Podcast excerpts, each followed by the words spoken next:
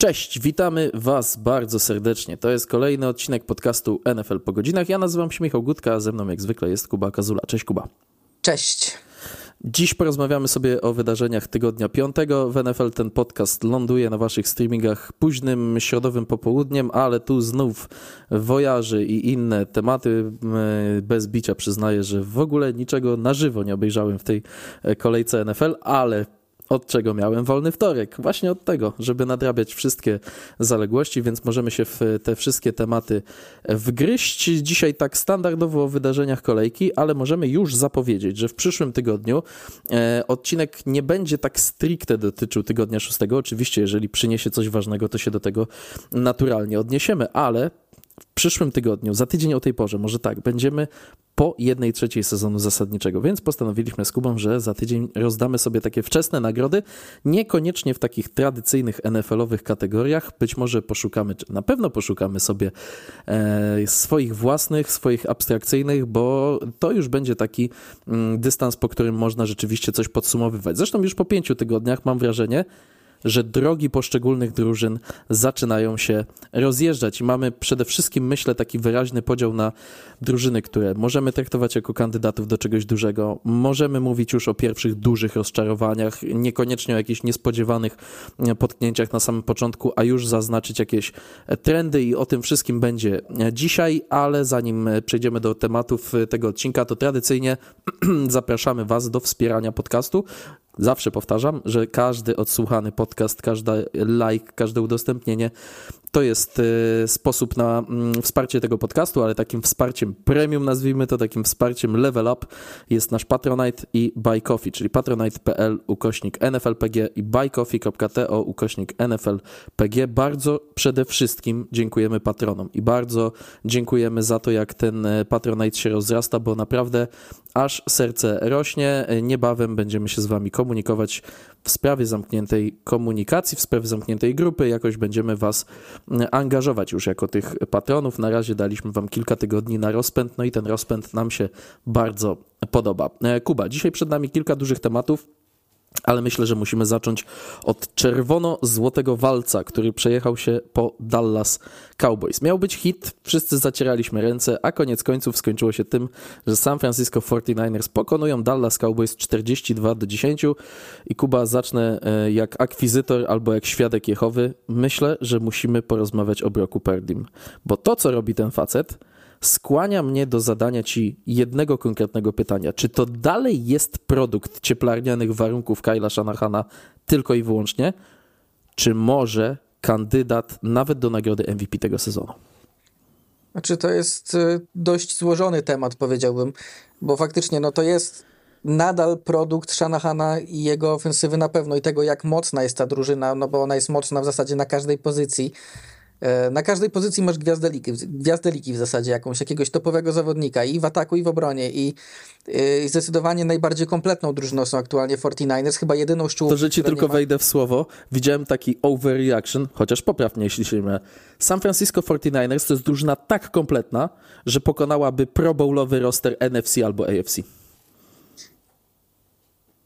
Znaczy w meczu jednorazowym, kiedy ten drugi roster jest złożony do kupy znikąd i nie ma żadnej, że tak powiem, współpracy i zgrania ze sobą, to bardzo możliwe. No, no w długim czasie e, raczej nie. Natomiast faktycznie jest to najbardziej kompletny roster ligi. Jedyna chyba drużyna z czołówki, o której możemy powiedzieć, że nie ma w tej chwili żadnego znaku zapytania, że patrzysz na nich i nie masz takiego, że no to jest coś nie tak, albo tu jest coś nie tak. Nawet niepokonani Eagles mają, mają znak zapytania w postaci tego, że ten ich atak nieco tydzień wygląda tak, jak oni by chcieli.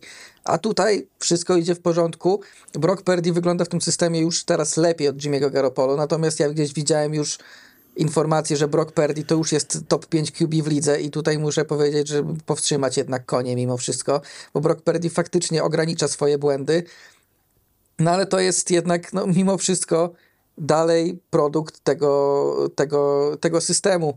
I to widać między innymi po tym, jak niektóre akcje wyglądają. Faktycznie coraz więcej niż na początku sezonu, więcej też niż w tamtym roku, kiedy ten hype na niego był największy. E, to więcej niż w tamtym roku też mamy takich rzutów, gdzie możemy powiedzieć, o, to było ładne. Tak, to tak. Mhm. Natomiast dalej wiele z tych akcji to jest po prostu gdzieś tam Brandon Nayak albo, albo Dibio Samuel stojący na środku boiska bez obrońcy w okolicach 5 metrów od nich, bo Kyle Shanahan znowu wymyślił jakąś zagrywkę. E, Brock Purdy to jest w tej chwili moim zdaniem bardzo dobry game manager w świetnej drużynie ze świetnym systemem. I to zawsze jest trudne do określenia, tak? Wiadomo, że trudno określić wtedy, czy czy yy, znaczy, na ile to jest to zasługa Broka Perdiego.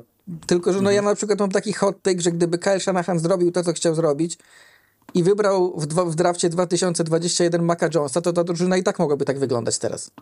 E, wydaje mi się, że tak. Wydaje mi się, że w ogóle będziemy rozmawiać później o Patriots i tak sobie myślę, że, e, że jeżeli Mark Jones ma z tyłu głowy, czy w ogóle był ten temat nie tylko w plotkach, ale w rzeczywistości, jakiś kontakt z Kylem Shanahanem, jeżeli on gdzieś cały czas ma z tyłu głowy, że przecież mogłem grać w takiej drużynie, on, on w, trakcie draftów, w trakcie draftu, w momencie jak uściskał rękę Rogerowi Goodelowi, to tam kamery wyłapały, że on powiedział, że to jest miejsce, w którym chciałem być od początku. Myślę, że teraz zmienił zdanie na 100%.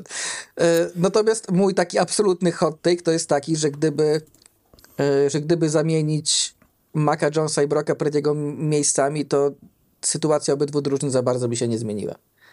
Myślę, że to nie jest hot take. Wiesz, myślę, że tak mogłoby być. Znaczy, myślę, no, nie, nie jest... wiem jak z aktualnym Maciem Jonesem, bo aktualny Mac Jones wygląda jak człowiek pozbawiony jakiejkolwiek sposób. pewności siebie, która jest przestrzelona przez dwa lata beznadziejnego ataku, ale tak, że tak powiem, w próżni umiejętnościami Mac Jonesa, Brock Purdy wcale bym się nie zdziwił, gdyby tak było. Dlatego o ile Brock Purdy jest y, bardzo dobry, gra świetnie, możliwe, że się pojawi w dyskusji o MVP, no bo robi statystyki i tak dalej, o tyle no trudno mi powiedzieć, że on nagle jest na poziomie tych najbardziej elitarnych rozgrywających w lidze, no bo nie wydaje to mi się, pozwól... że grał tak gdziekolwiek mhm. indziej.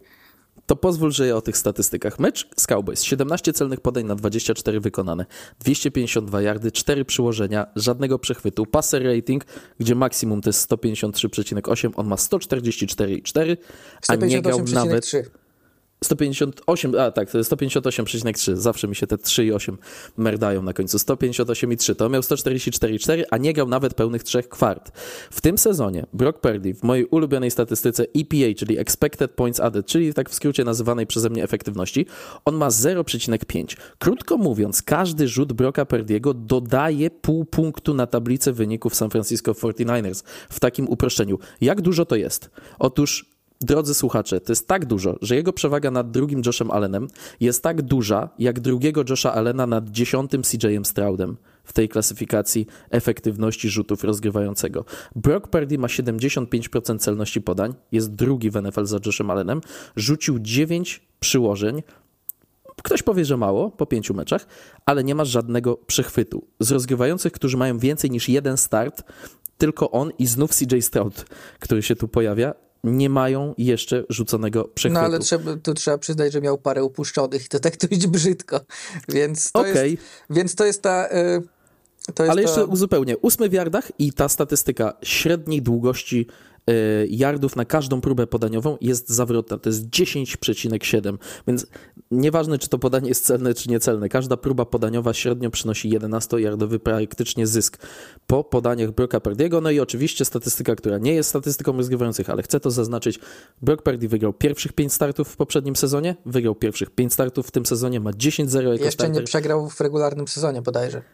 Tak jest i nie było nigdy takiego rozgrywającego, który w dwóch sezonach, zaczynając swoje starty, zaczynał od 5-0. Czy to wchodząc w trakcie sezonu za stery, czy rozpoczynając nowy sezon, a Brock Purdy kimś takim jest e, pierwszym w historii.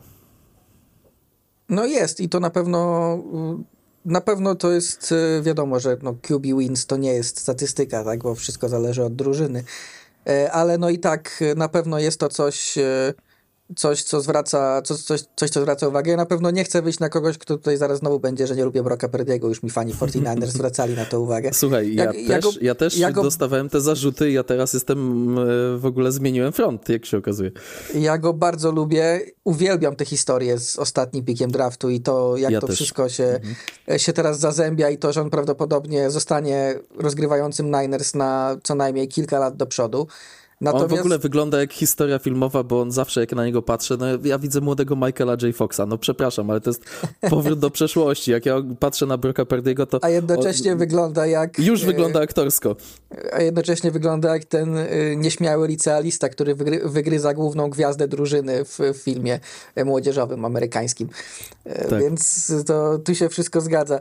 No niemniej, no wiemy, że na przykład oczy, oczywiście ta statystyka EPA jest naprawdę konkretna, natomiast wiemy, że w poprzednich latach no Jimmy Garoppolo w barwach Niners też potrafił być w samym czubie tej statystyki, tak?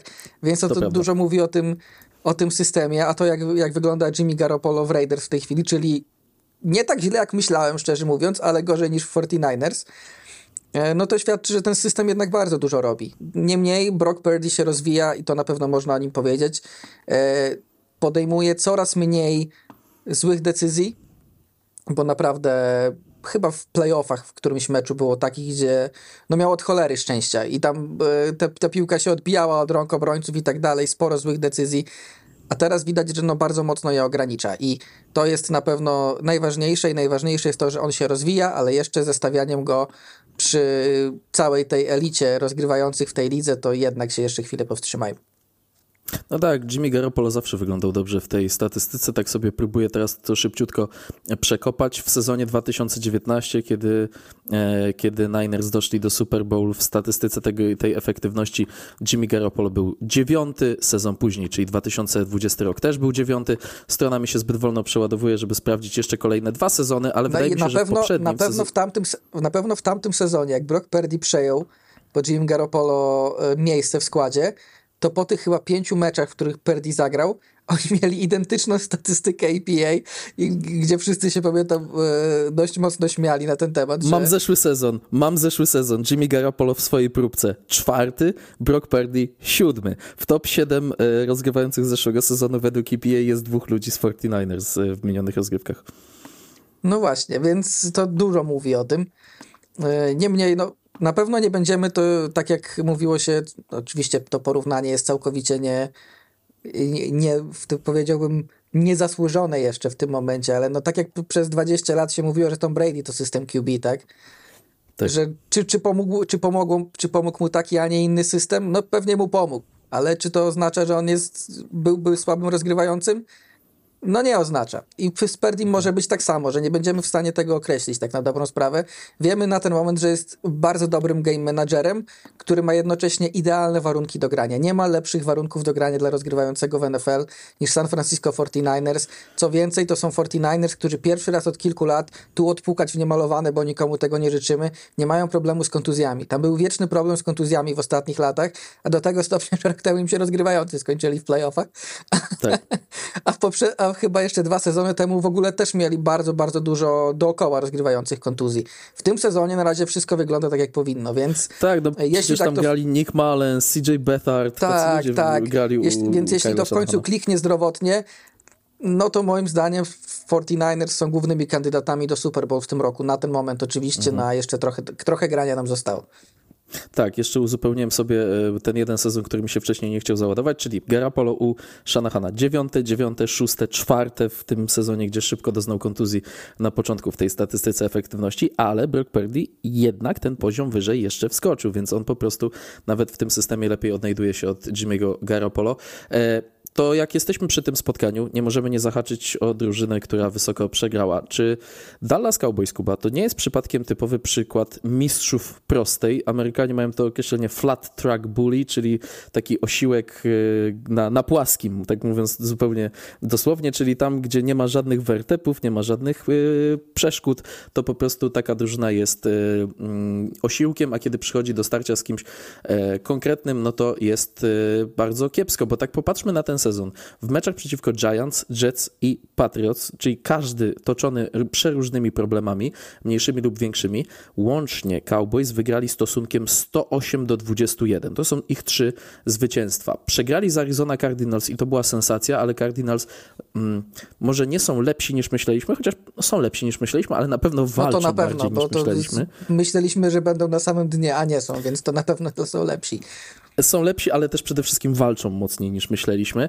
Przegrali z Cardinals 12 punktami, no i teraz przegrali różnicą 32 oczek z mm, San Francisco. Ich bilans w meczach domowych, mówię o Cowboys, to jest bilans 2-0, w meczach wyjazdowych 1-2. Czy to jest drużyna, w której jakiekolwiek niepowodzenie, czy jakiekolwiek zaskoczenie ze strony rywala, czy rywal na wyższej półce sprawia, że my musimy temperować oczekiwania? Trochę tak, tak mi się wydaje. Y, no, głównie z tego względu, o którym mówisz. Na razie ci Cowboys faktycznie rozjeżdżają słabsze drużyny i to też jest zawsze na plus, bo nie każdy to potrafi. Niektórzy się męczą w pierwszych tygodniach, nawet faworyci.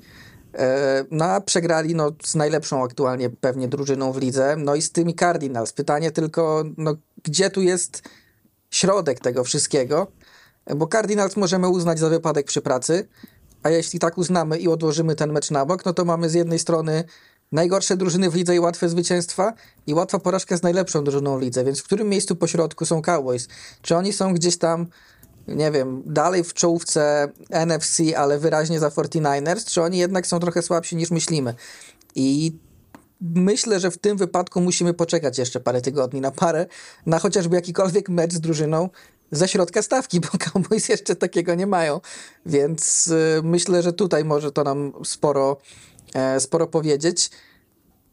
Nie wiem, szczerze mówiąc. Y, Cowboys mają takie mecze, gdzie wszystko wygląda tak, jak powinno. Z kolei mają takie mecze, że mają swoje problemy, tak jak z Cardinals, gdzie wyszły wszystkie ich znaki zapytania, jakie mieli w tym, w, w, w tym sezonie, z problemami w ostatnich 20 yardach w ataku, łącznie z problemami z obroną gry biegowej. Także więc y, to są rzeczy, na które Cowboys muszą zwrócić uwagę. Pytanie, czy będą w stanie to w trakcie sezonu poprawić.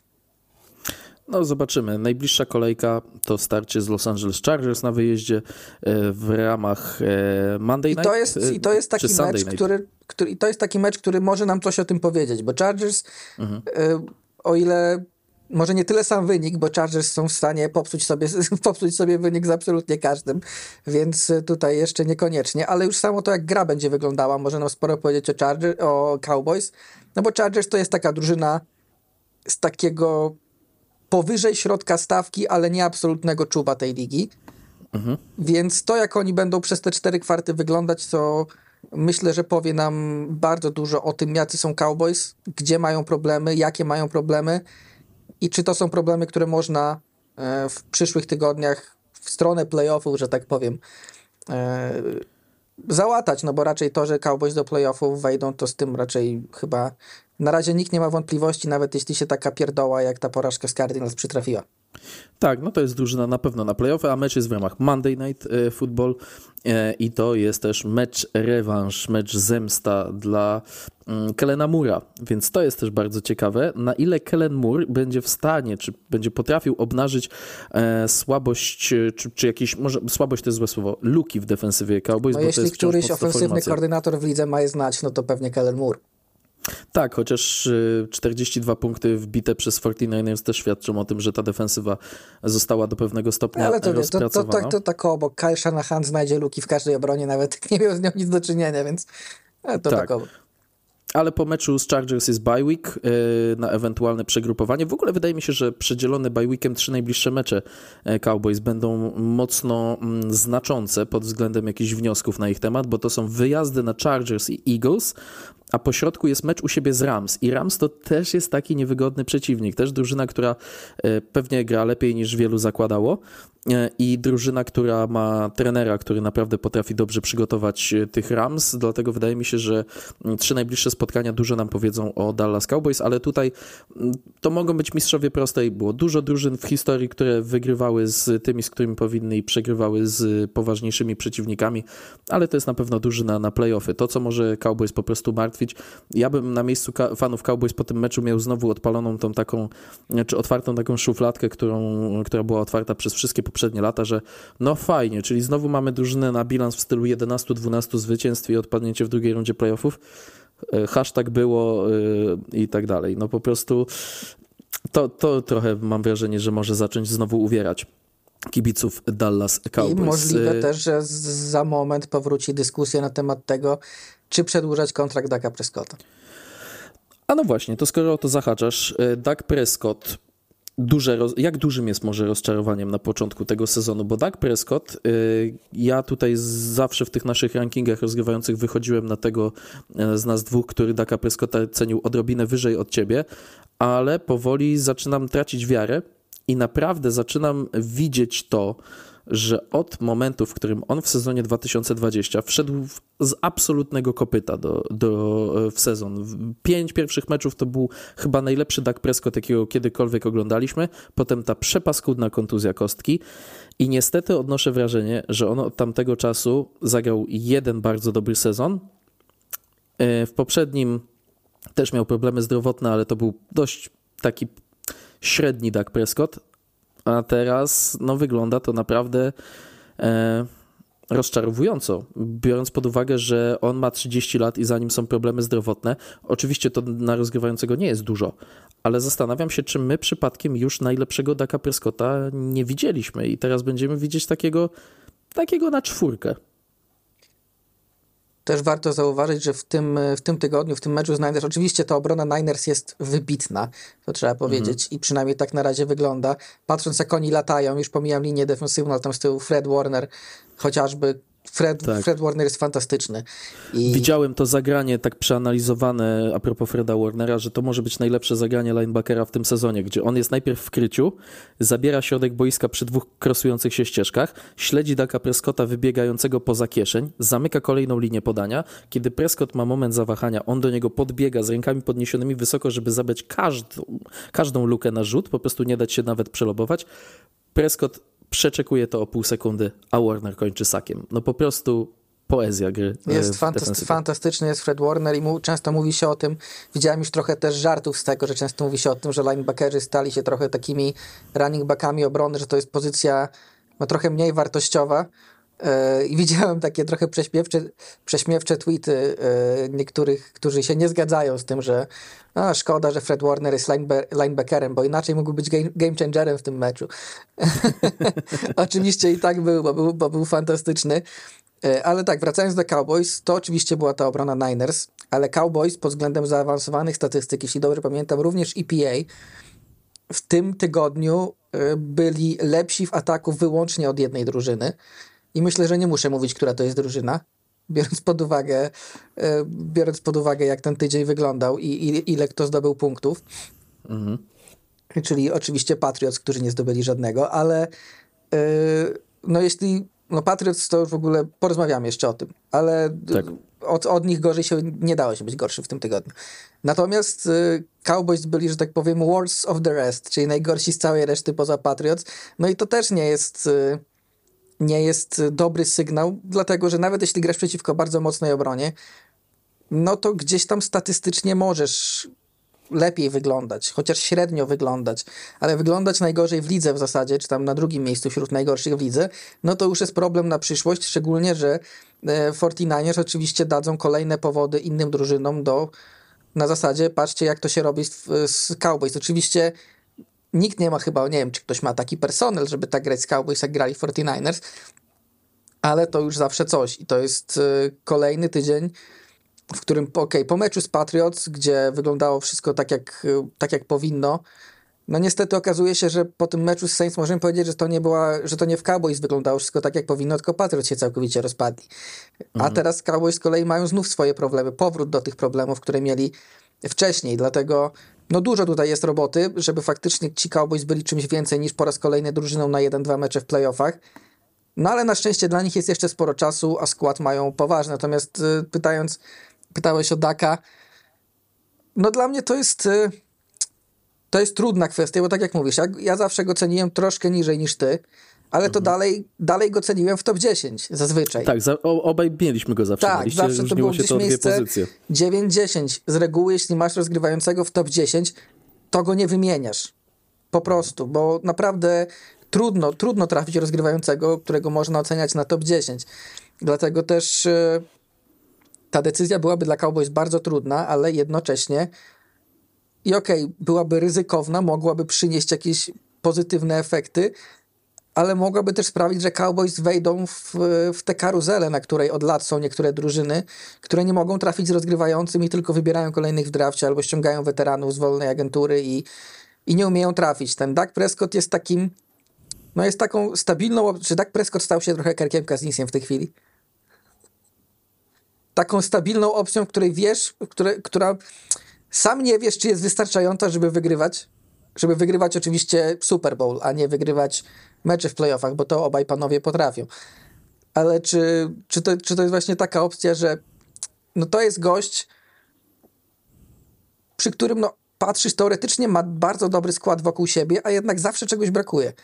I mhm. zawsze czegoś brakuje. I ofensywny koordynator był jeden, teraz jest drugi i dalej czegoś brakuje. Więc myślę, że tutaj ze względu na to, jak się potoczy ten sezon, możemy mieć w Cowboys gorące stołki i nie tylko na pozycji rozgrywającego, ale również na pozycji trenera, bo jednak McCarthy przejął w tym roku ten play calling, to była pewnie jego decyzja z góry, że okej, okay, to nie działa, Kellen Moore sobie idzie w cholerę i pomaga Chargers, a ja się tym zajmę po swojemu. No i na razie ten atak wygląda gorzej niż w poprzednich latach, bo ile, bo ile za Kellena Mura faktycznie brakowało czegoś, to się zarzucało Kellenowi Murowi, że w tych kluczowych momentach w playoffach temu atakowi czegoś brakowało. Tak w regularnym sezonie ten atak wyglądał zawsze świetnie był w czołówce ligi niezależnie, nawet, nawet jak Cooper Rush był rozgrywającym. Mhm. Więc tutaj to jest ten problem. No, chyba, że Mike McCarthy pokaże, ok, to my zrobimy na odwrót, w regularnym sezonie atak będzie średni, a w playoffach odpalimy. dlatego, e, dlatego wynik tego sezonu będzie na pewno bardzo ważny dla, dla Dallas Cowboys, jeśli oczywiście to się wszystko utrzyma w takim kształcie, w jakim jest, bo gdyby się na przykład okazało, że oczywiście odpukać po raz kolejny, że Dak dostaje kontuzji, to w ogóle jest inna dyskusja.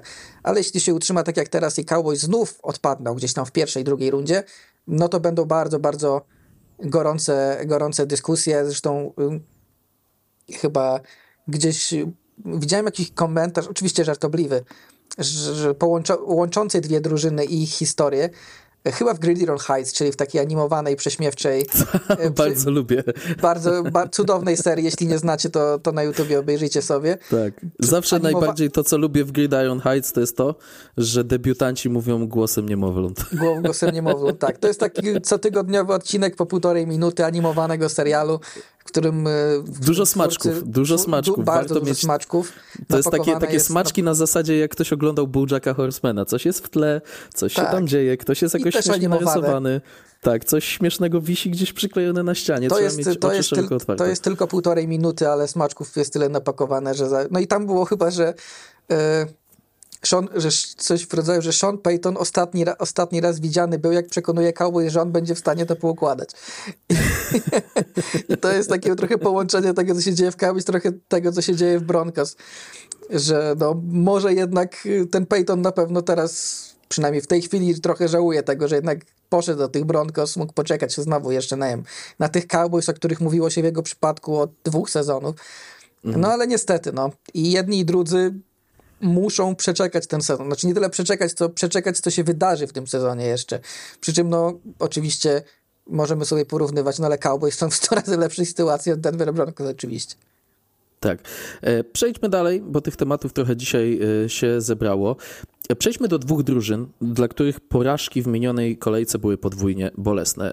Vikings przegrywają z Kansas City Chiefs, Chiefs wygrywają w Minnesocie 27 do 20 na strachu kończy się uraz Travisa Kelsey'ego. Kelsey podkręca kostkę w pierwszej połowie, wraca na boisko w drugiej połowie, zdobywa jeszcze przyłożenie, e, które mm, daje Kansas City w ostatecznym rozrachunku zwycięstwo, ale z kontuzją y, w Minnesota Vikings ten mecz kończy Justin Jefferson. Jemu to uda doskwierało już, mam wrażenie, od dwóch spotkań. Teraz kontuzja uda okazuje się na tyle poważna, że Justin Jefferson ląduje na liście kontuzjowanych, czyli opuści co najmniej miesiąc. To, co z tego meczu, od tego chcę zacząć, ale ciekawostka, y, sam o tym nie wiedziałem, ale Minnesota Vikings byli ostatnim zespołem, którego Patrick Mahomes jeszcze w NFL nie pokonał. Mm, z Bo tych, po prostu z nimi nie grał. Nie. E, tak, co, znaczy po co prostu... jest ciekawe, bo przez, że przez 5 lat nie dał rady z nimi zagrać, no ale tak wyszło. Tak, po prostu on opuścił tamte e, dotychczasowe jedyne spotkanie, kiedy obie drużyny, bo z racji, że są w różnych konferencjach, trafiają na siebie raz na 4 lata i to był mecz z Mattem Murem, ale po prostu z tych zespołów, które, z którymi Kansas City Chiefs mierzyli się w karierze Patryka Mahomesa, to on jeszcze Vikings nie pokonał. W ogóle pierwsze zwycięstwo w Chiefs, e, Chiefs w Minnesocie od 1996 roku, ale znów, skoro grasz z, z Chiefs Vikings raz na 4 lata, to w Kansas City i w Minnesocie grasz no raz na 8. No to raz na 8 grasz na danym stadionie. Tak, tak. Dlatego, dlatego to takie ciekawostki, ktoś może, może sobie pomyśleć, Boże, te Vikings to jakaś zmora Chiefs. Nie, po prostu tak matematycznie to wyszło. Ale skupmy się najpierw zanim o zwycięzcach, o których i tak dużo będziemy mówić i mówiliśmy mm, przed tym sezonem. E, tu jeszcze mogę tylko dodać z kącika statystycznego, że dla Andy Gorida to było 251 zwycięstwo w karierze trenerskiej w NFL. Przesunął się na czwarte miejsce w historii przed Toma Landrego, który przez ponad 20 lat e, trenował Dallas Cowboys, prawie przez 30 tak naprawdę trzeba powiedzieć. Tom Landry wyprzedzony przez Andy'ego Rida, ale historią tego meczu jest kontuzja Justina Jeffersona. Najlepszy skrzydłowy ligi, jedna z największych gwiazd ligi, ląduje na liście IR z kontuzją uda. To jest co najmniej miesiąc, bo trzeba sobie tak to ująć. IR to są minimum 4 tygodnie, które musisz spędzić na tej liście, ale już takie głosy się rozpoczęły, że gdyby ta kontuzja za 4 tygodnie nie wyglądała najlepiej, to może przedłużą Vikings o kolejne 4 tygodnie ten pobyt Jeffersona na liście kontuzjowanych i po prostu to jest idealny pretekst, żeby zacząć tankować. Mnie przekonywać nie musisz, Kuba, bo ja już hełmofon zakładam i za stery tego czołgu Tank Commander, już, już tam lufę tak nastawiasz. Jest. Tak jest, ale czy twoim zdaniem to jest słuszne podejście? Czy ja muszę kibicować teraz porażkom Minnesota Vikings? Jeszcze tylko uzupełnię. Cztery najbliższe mecze, te bez Jeffersona, to jest wyjazd do Chicago, San Francisco u siebie, wyjazd do Green Bay, wyjazd do Atlanty. Moim zdaniem tak. Jeśli jakaś drużyna może sobie pozwolić na to, żeby w miarę spokojnie zacząć tankować, to są to Vikings.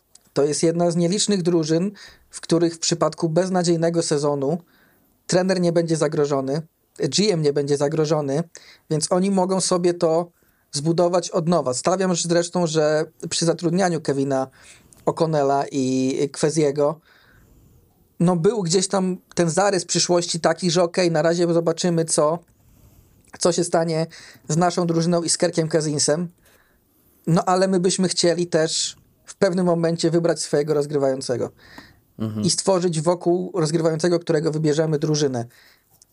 I, I to już nam powiedział to, że ten kontrakt Kerka Kazinsa został zmieniony, ale nie przedłużony. Kerk Kazins jest wolnym agentem po tym sezonie, co nam pokazało, że Vikings przynajmniej chcą mieć opcję na tablicy. Przynajmniej chcą mieć opcję, żeby, e, żeby spróbować. Możliwe, że, to, że oni sami stwierdzili, że chcemy wejść w off-season z Kerkiem jako wolnym agentem, ale przecież zawsze mogliby się z nim przed wolną agenturą jeszcze dogadać, gdyby stwierdzili, że nie mają zbyt dobrych opcji na nowego rozgrywającego, bo na przykład mhm. mają daleki pik w drafcie, a na rynku nikogo nie ma, tak? Dlatego to jest, to, to nam pokazuje, że wszystkie opcje są, że tak powiem, na stole dla Vikings. Trzy tygodnie do trade deadline. Czy może Kerka Kazinsa, skoro Otóż ten to. kontrakt się kończy, nie wymienić? Bo wymieniłem cztery najbliższe mecze. Po trzecim z nich, po wyjeździe na Packers, a przed wyjazdem na Falcons, mija okres dokonywania transferów. Ja jestem sobie w stanie wyobrazić, że Vikings przegrywałem trzy najbliższe mecze, bo w Chicago przegrywałem prawie zawsze. Z 49ers nie mają podejścia bez Justina Jeffersona i z Justinem Jeffersonem nie mieli za bardzo. I z Packers na wyjeździe myślę, że przegrają bez Justina Jeffersona 1-7 przed trade deadline. Dlaczego by nie oddać, yy, dlaczego by nie oddać Kazinsa? No właśnie, a szczególnie, że wydaje mi się, że mimo tego, że on jest w końcówce swojego kontraktu, no to co najmniej kilka drużyn bardzo chętnie by całkiem spory pik na niego wydało. Ciekaw jestem, co by było, gdyby to byli Jets, którzy ponoć dzwonili chyba nawet do Vikings już, w jakiejś, od razu po kontuzji Rodgersa, czy, czy jeszcze, nie wiem, w każdym razie było coś na ten temat, ale oczywiście Vikings powiedzieli, że nie, no bo chcą z Kerkiem Kazinsem wejść e, w ten sezon. Jestem ciekaw, jakby to wyglądało, gdyby gdyby Jets ściągnęli Kazinsa, no ale ściągnęliby go pewnie na pół roku, przecież Rodgers ma zamiar no tak. wrócić. No właśnie. E, więc to by takie była ciekawa sytuacja. No niemniej za Kerka Kazinsa na pewno by się takie znaleźli chętni. Tak, wypożyczenie na pół roku. E, I może z jakimś nie wiem, pikiem uzależnionym od tego, czy Jets wejdą do playoffów albo coś takiego. Pewnie mhm. mogłoby coś takiego wyjść. Niemniej Vikings są w bardzo dobrej sytuacji do tankowania. I tak ten roster ma swoje dziury. Teraz tracisz najlepszego zawodnika bez podziału na pozycję, być może najlepszego nierozgrywającego w całej lidze. Albo przynajmniej jednego z kilku kandydatów. Mhm. Jeśli wymienisz Kerka Kazinsa, no to tu już masz tę, y, tę czapkę, jak nie jakkolwiek się nazywa, którą zakładali czołgiści w czterech pancernych i już masz na głowie i w zasadzie hełmofon, tylko... Hełmofon, Albo hełmofon, tak. tak. E, I już w zasadzie ty, tylko jedziesz i po tanki, po, po czołowego rozgrywającego tego draftu, no bo nawet wtedy nie musisz za bardzo tankować, bo bez Kerka Kazinsa, bez Justina Jeffersona E, z Nickiem Malensem prawdopodobnie, bo to on jest pierwszym, tak? Czy ktoś tam jeszcze tak, jest przed nim? Tak, jeszcze jest Jaren Hall, ale to Nick Malens jest pierwszy do wejścia z ławki. Tak, no to przy tej drużynie, przy tym jakie ona ma braki i z takim tank komanderem na czele, to spokojnie Vikings by dojechali do absolutnie czołowego piku, a jeśli sztab Vikings i tak myślał w ten sposób o przyszłości, no to to jest bardzo kuszące, bo to oni swoimi ruchami nam pokazują, los, że chcą... Los sam podsuwa ci argumenty po prostu. Tak jest. E, no skoro oni sami nam pokazują swoimi ruchami, że w przyszłym off-seasonie chcą bardzo mocno, bardzo mocno po, pomyśleć nad zmianą kierunku, no to teraz mają idealną okazję, żeby zacząć już teraz i sobie pomóc na ten off-season, zmienić ten kierunek. E, więc ja bym, ja bym w to szedł, że tak powiem. Szczególnie, że na Kerka mhm. zawsze będą chętni a tak jak mówisz, no, ta sytuacja jest nie, nie do pozazdroszczenia. Jeśli ktoś w tej lidze ma mieć spokój przy tankowaniu i robić to na luzie, to będzie miał to sztab Vikings, bo w zasadzie każda inna drużyna, albo prawie każda inna drużyna, która by chciała to robić, miałaby zagrożenie, że, no, że trener czy generalny menadżer się nie utrzymają. I to, co też zachęcałoby Vikings do większej przebudowy, bo ja mam wrażenie, że za każdym razem, kiedy patrzę sobie na przyszłoroczny salary cap, Vikings zawsze byli już na minusie, już trzeba było odpalać kreatywną księgowość. W ostatnich latach to w zasadzie Browns, Saints i Buccaneers i Vikings zawsze byli na minusie, jak już spojrzeliśmy na przyszły sezon. Patrzę sobie na przyszły sezon, Saints 88,5 miliona dolarów na minusie w salary capie na 2024. Naprawdę niebywałe, jak oni to robią, ale robią to co roku. Browns 50 y, prawie milionów dolarów na minusie już na przyszły sezon. Vikings w tym momencie prawie 32 miliony dolarów wolnych pieniędzy na przyszły sezon i ogólnie tam jest kilku jeszcze kandydatów do tego, żeby to był dla nich ostatni rok. Myślę, że jeżeli mówimy o e, kandydatach na wymianę, to przed trade deadline Daniel Hunter wciąż jest e, kandydatem do takiej wymiany, mimo że on podpisał kontrakt z Vikings. No i tak się zastanawiam, czy rzeczywiście to nie jest. Znaczy, ja się, ja już jestem praktycznie przekonany do tego pomysłu tankowania, ale po prostu ta, e, ta kontuzja Jeffersona przychodzi w e, jednym z gorszych momentów i tak trudnego terminarza. Mm, zobaczymy, jak się ta drużyna zaprezentuje na wyjeździe w Chicago, bo Bears to duża niespodzianka. O nich dzisiaj nie będziemy dużo mówić, ale Bears e, znakomicie zaprezentowali się w meczu otwarcia tej kolejki przeciwko Commanders. Mm, I ja już, tak jak mówię, Wyjazdy do, do Chicago to są zawsze ciężary dla Minnesota, a teraz jeszcze Bears są na delikatnej fali. Więc I teraz wyjątkowo, się, że... jeśli przegrają, to nie będzie to frustrujące, a bardziej takie, hmm, a może jednak?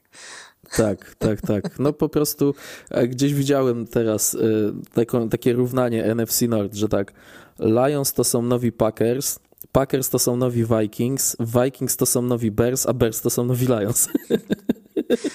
jeśli, Be jeśli Bears troszkę jeszcze podskoczył z poziomem, to może i tak. Znaczy, jeśli mówimy o tych starych Lions, którzy potrafili pójść 0-16, to jak najbardziej, bo Bears są tej jedną z gorszych drużyn w lidze, chociaż ostatnie tak. dwa tygodnie mieli, mieli przyzwoite. No cóż, ja zachęcam pana Quesiego i pana Kevina do tego, żeby tankować w tym sezonie. Nie obrażę się, bo ja często na Vikings tutaj narzekam, ale wierzcie, że to jest po prostu efekt takiej wieloletniej frustracji bycia drużyną środka. I jak sobie nawet pomyślę e, na temat wyborów Vikings w drafcie, to poza jakimiś wczesnymi latami kibicowania Vikings, gdzie wybierali z siódmym pikiem Adriana Petersona, to najwyższy pik, jaki pamiętam, to z czwórką brany Matt Khalil. Swoją drogą fatalny był to wybór, e, ale przed nim poszedł Antony Richardson. E, nie, przepraszam, e, nie Antony Richardson, tylko jak się nazywał biegacz? Richardson. Trent. Do... Trent Richardson, właśnie, Trent Richardson, który poszedł do Browns, więc tam wysoko w drafcie za Lakiem i RG3 były dwa niewypały. Generalnie po prostu jestem przyzwyczajony do tego, że Vikings jak y, biorą w drafcie, to tak szukam ich pomiędzy 12 a 22 pikiem. I to jest męczące. To po prostu nie pozwala tej drużynie się nigdy wyrwać z tego myślenia, że hmm, jesteśmy o trzy takie delikatne podciągnięcia od tego, żeby znowu, czy nie znowu, żeby bić się o najwyższe cele. A to jest zgubne myślenie, które y, sprawia, że Vikings tylko zjadają własny ogon. Więc ja jestem jak najbardziej za tym, żeby tankować. Drugą drużyną, która poniosła podwójnie mm, bolesną porażkę w tej kolejce byli Buffalo Bills, Kuba, którzy przegrywają w Londynie. Swoją drogą byłem w Londynie w ten weekend. Kibice Bills, nie byłem na stadionie Tottenhamu, e, ale musieli mieć znaczącą przewagę przeciwko mieli, Jaguars. Mieli, wyraźnie. Musieli mieć. No, tylko tyle, co na przebitkach w jakimś skrócie to, to wyłapałem, ale było na pewno niebiesko na trybunach. Swoją drogą to trochę taki kamyk do ogródka dla pana Kana, że od tylu lat Jaguars zapuszczają korzenie w Londynie, a mając taki w cudzysłowie drugi domowy mecz w Londynie mają y, po prostu no są zdominowani przez kibiców, którzy przyjeżdżają z Buffalo. Natomiast Bills przegrywają w Londynie z Jaguars 25 e, do 20, ale przede wszystkim tracą kolejne filary. Kontuzja Mata Milano eliminuje go na cały sezon i to jest paskudna kontuzja, bo to jest złamanie nogi w kolanie, która i tam jeszcze są badania, czy z tym kolanem nie ma dodatkowych problemów z więzadłami i z samym stawem, a nie tylko jeśli chodzi o złamanie. Defensive tackle Daquan Jones doznaje kontuzji. E, poobijany jest Leonard Floyd. Von Miller dopiero wrócił, ale on od trzeciej kwarty już praktycznie nie wychodził na boisko i był na tym tak zwanym pitch count, czyli po prostu jest mu e, jest jest y, gotowy na 50% czy na 60% i ma ograniczoną liczbę snapów, chyba 18 w ogóle tylko zagrań e, Vona Millera, a już mówiliśmy w poprzednim sezonie o tym, że Tredavious White zerwał ścięgno Achillesa. No i Bills którzy trzy ostatnie mecze wygrali różnicą co najmniej 28 punktów. Tutaj kończą mecz pokiereszowani i mając naprzeciwko rywala, który ma problem z dropami, bo tych podań upuszczonych przez Jaguars było w tym meczu mnóstwo i w ogóle mają najwięcej w tym sezonie NFL, Jaguars dostają 8 kar. Trevor Lawrence dwukrotnie traci piłkę na połowie Bills, a mimo tego Bills ten mecz przegrywają. Czy to wszystko można zrzucić na jetlag? No bo pech, jeśli chodzi o kontuzję, no to jest w ogóle rzecz, y, którą, e, której nie przewidzisz, na, której, na którą nie ma żadnego wytłumaczenia. Po prostu nie ma, y, nic nie doprowadziło do kontuzji Mata Milano innego niż pech, ale sam występ Buffalo Bills był gorzki, a jeszcze wszystko pogarsza ten szpital, który powstał. Na pewno nie całkowicie, ale myślę, że trochę można to zrzucić na jetlag, bo nie wiem, czy widziałeś informację, że Bills polecieli do Londynu dopiero w piątek. Tak, śmiał się e, Dix z Josha Allena, że on e, cały czas zasypia na śniadania, że on jest taki sleepyhead, że on po prostu nie może się odkręcić. I zawsze są dwie szkoły. Albo przylatujemy późno, albo przylatujemy we wtorek i czy w poniedziałek i przygotowujemy się do tej strefy czasowej, bo zawsze dla organizmu trudniej przeżyć jetlag, kiedy właśnie lecisz tak jak tutaj e, ze Stanów do, mm, do, do Wielkiej Brytanii. Na przykład Polakowi łatwiej się przestawić lecąc z Polski do USA niż na przykład z Polski do Tokio. I, i w, tym, w tą stronę lecąc zawsze jest po prostu gorzej dla organizmu. A no plus, przypomnijmy, też... że dla zawodników Buffalo ten mecz jest o 9.30 rano według twojego zegara biologicznego. Tak, dodatkowo nie wiem na ile jest to oczywiście sprawdzone jakkolwiek, ale kilka razy spotkałem się z opinią, że najgorszy w jetlagu jest trzeci dzień. A tu masz piątek, sobota, niedziela. Niedziela. Mhm. Więc to by wypadało idealnie. Niemniej, no, ci Bills nie zagrali dobrze, to na pewno. Atak wyglądał na ospały, a więc może coś w tym jest faktycznie. Natomiast z tą obroną będzie duży problem ponieważ e, Matt Milano to absolutny lider tej obrony. O ile widzieliśmy, że ze stratą Tre White'a w poprzednich sezonach Bills potrafili sobie poradzić innymi zawodnikami, o tyle tutaj jeszcze rok temu mieli bardzo mocny środek w postaci Mata Milano i Tremaina Edmundsa, e, dwóch liderów tej obrony. I teraz tak, jeden jest w Bears, gdzie odszedł za duże pieniądze, a drugi w tym sezonie już nie zagra.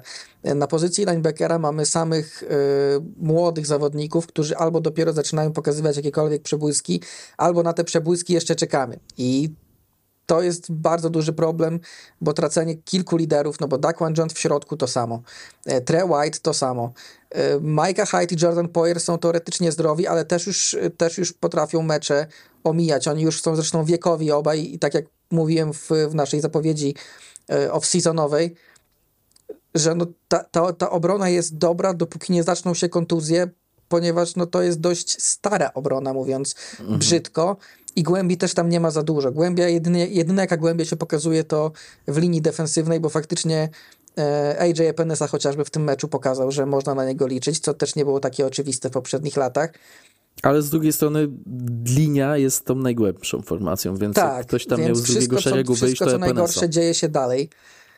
I no, mogą mieć problem, mogą mieć duży problem Bills, jeśli to się tak dalej potoczy. To najgorsze dla nich jest to, że to nie są takie kontuzje, przy których, e, przy których powiesz, no dobra, no teraz chwilę ich nie będzie, ale wrócą do, wrócą do pełni sił i ogarniemy temat. Najważniejsze są playoffy, tak? No tutaj nie, Milano już nie zagra, White już nie zagra, Jones jeśli wróci, to właśnie na te playoffy dopiero, jeśli wróci, mhm. bo to też jest kluczowe pytanie.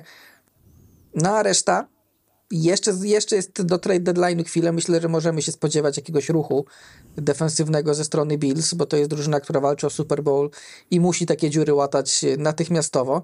Natomiast jeśli nie, no to będzie obrona, która będzie w dużej mierze polegała na pewnie na linii defensywnej i na schematach Shona McDermotta, bo inaczej każdy topowy atak będzie w stanie ją no jakby po prostu złamać. Jestem ciekaw, jak będzie wyglądał na przykład rewanż z Dolphins, gdzie ta obrona mhm. Dolphins w pierwszym meczu przytrzymała, mając swoich liderów na boisku. Zobaczymy, jak będzie w rewanżu, bo to może być taki pierwszy wyznacznik, jak, jak to wygląda z tą obroną po kontuzji.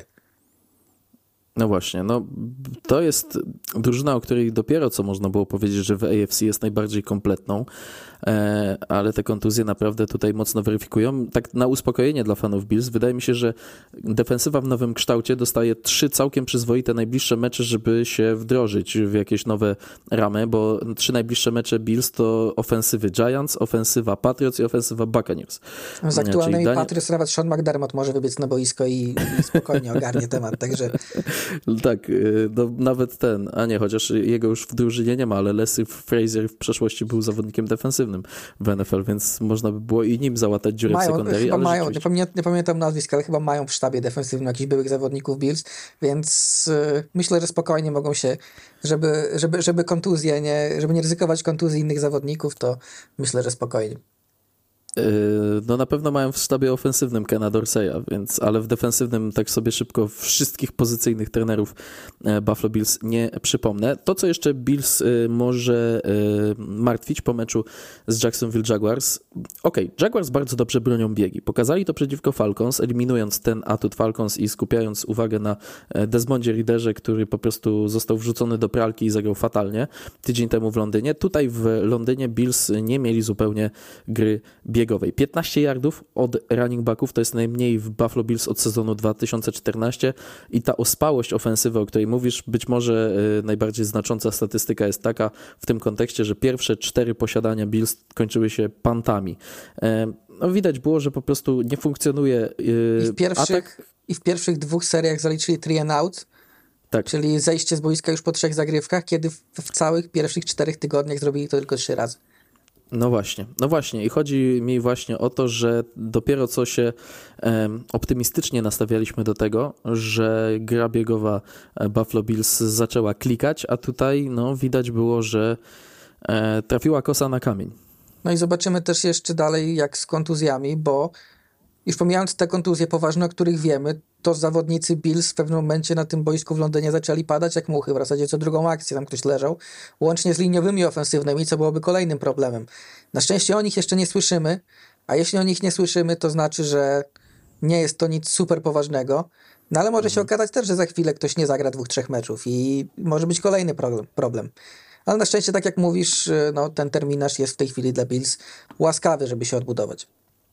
No właśnie, trzy najbliższe mecze powinny być y, takimi meczami, w których defensywa Bills wystarczy, że zrobi swoje, nawet z tymi ubytkami, a ofensywa znowu wróci na wysoki poziom. Chociaż tak jak śledzę Bills od kilku lat, to ja mam wrażenie, że to jest drużyna, która zalicza wpadkę, a potem wygrywa dwa mecze z rzędu czterema przyłożeniami i znowu mówimy, a Bills przecież oni są super, przecież Bills nie ma się o co martwić i tak wejdą do, i tak wejdą do playoffów i tak Josh Allen jest znakomity, więc mam wrażenie, że to jest drużyna, u której ten ta amplituda pomiędzy najlepszym, najlepszą wersją Bills, a tymi frustrującymi Bills jest bardzo duża, bo Bills w najlepszym wydaniu to jest po prostu walec, ale e, czasami... No i też to, to, to, świadczy, to świadczy o tym, że potrafią zareagować na porażkę, a nie wszystkie drużyny w tej lidze to potrafią. To prawda, to prawda. Więc zobaczymy, jak na porażkę w Londynie w jednak krótkim tygodniu po, po wycieczce do Londynu, bo nie ma zwyczajowego tygodnia przerwy dla drużyny wracającej z Wielkiej Brytanii. Jak od razu Bills sobie poradzą, ten mecz z Giants jest w ramach Sunday Night Football, więc e, no, o Giants też będzie jeszcze słówko w tym odcinku. E, zwycięstwo, ale okupione kontuzją jednego ze swoich najważniejszych zawodników odnoszą tymczasem Indianapolis Colts. Colts wygrywają z Titans i mają bilans 3-2. Taki sam bilans mają Titans, identyczny mają Jaguars, a Texans mają bilans 2-3, więc AFC South robi nam się bardzo ciekawa. Natomiast Colts wygrywają ważny mecz z Titans mm, i kontuzji doznaje Anthony Richardson. Rozgrywający Colts y, opuści miesiąc z powodu urazu ścięgna w barku. Na ratunek Colts przybywa mój ulubiony Gardner Minshew, ale tak się zaczynam Kuba zastanawiać, czy Anthony Richardson nie jest zawodnikiem, za którym mogą się ciągnąć problemy zdrowotne w NFL, bo on jak na razie zagrał w czterech z pięciu meczów i z tych czterech występów dokończył tylko jeden. Czy to jest. Czy to, to jest jakiś symptom tego, co może nas czekać w karierze tego zawodnika, czy jakaś kumulacja pecha e, w debiutanckim miesiącu? Tak, można powiedzieć e, takim trochę czarnym humorem, że Antony Richardson aż za bardzo zaczyna przypominać Kama Newtona. E, I no, niestety, ale no miejmy nadzieję, że to jest tylko pech na początek sezonu. Raz jedna z tych kontuzji wynikła z, te, z takiego błędu świeżaka, ponieważ e, wtedy po touchdownie, co został uderzony, upadł, miał wstrząśnienie mózgu tak. To, było, to było taki błąd świeżaka, który nie spodziewał się, że ktoś go jeszcze uderzy w momencie, jak jest, jak wbiega w endzone. No i w zasadzie to, że odpuścił i że tak całe ciało rozluźnił, sprawiło, że to uderzenie było tak mocne, więc miejmy nadzieję, że nauczy się trochę bardziej Antony Richardson dbać sam o siebie, bo to jest bardzo istotne. Co prawda są w tej lidze tacy ludzie jak Josh Allen, który mam wrażenie, że chce się zabić co drugi mecz, a, na, a nawet nie ma kontuzji ani jednej jak na razie, więc mm. to jedna rzecz. Natomiast e, no, na pewno Antony Richardson, tak jak mówiliśmy, że CJ Stroud wygląda najlepiej, jeśli chodzi o ruki rozgrywających, tak moim zdaniem Antony Richardson wygląda na zawodnika z największym potencjałem z tej grupy jak na razie, bo to naprawdę niektóre z jego akcji to pokazują, że naprawdę sky is the limit w jego przypadku.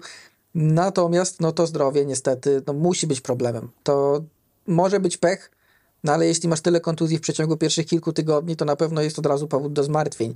Nawet jeśli się później okaże, że to jest pech, to teraz Colts muszą, muszą się tym martwić i muszą spróbować coś z tym zrobić, czy uczyć samego zawodnika jakkolwiek, tak jak Tua uczył się w tym, w tym off-seasonie, nie wiem czy widziałeś. E, Tua chodził na zawody, na zajęcia ze sportów walki, żeby uczyć się upadać. Tak, na I judo chodził, żeby padać to, na plecy prawidłowo. Tak, i w, w, w, zresztą widać to w tym sezonie. Nawet ktoś porównywał, jak upadał tu, a w tamtym sezonie, jak upada teraz po sakach. I faktycznie jest różnica, więc może coś takiego, nie wiem. Niemniej ci Colts są naprawdę ciekawi, niezależnie od tego, czy z Antonem Richardsonem, czy nie, bo Garner Minshew może cały sezon z nimi nie byłby w stanie pociągnąć, ale takim rozgrywającym na kilka meczów jest jak najbardziej wystarczającym.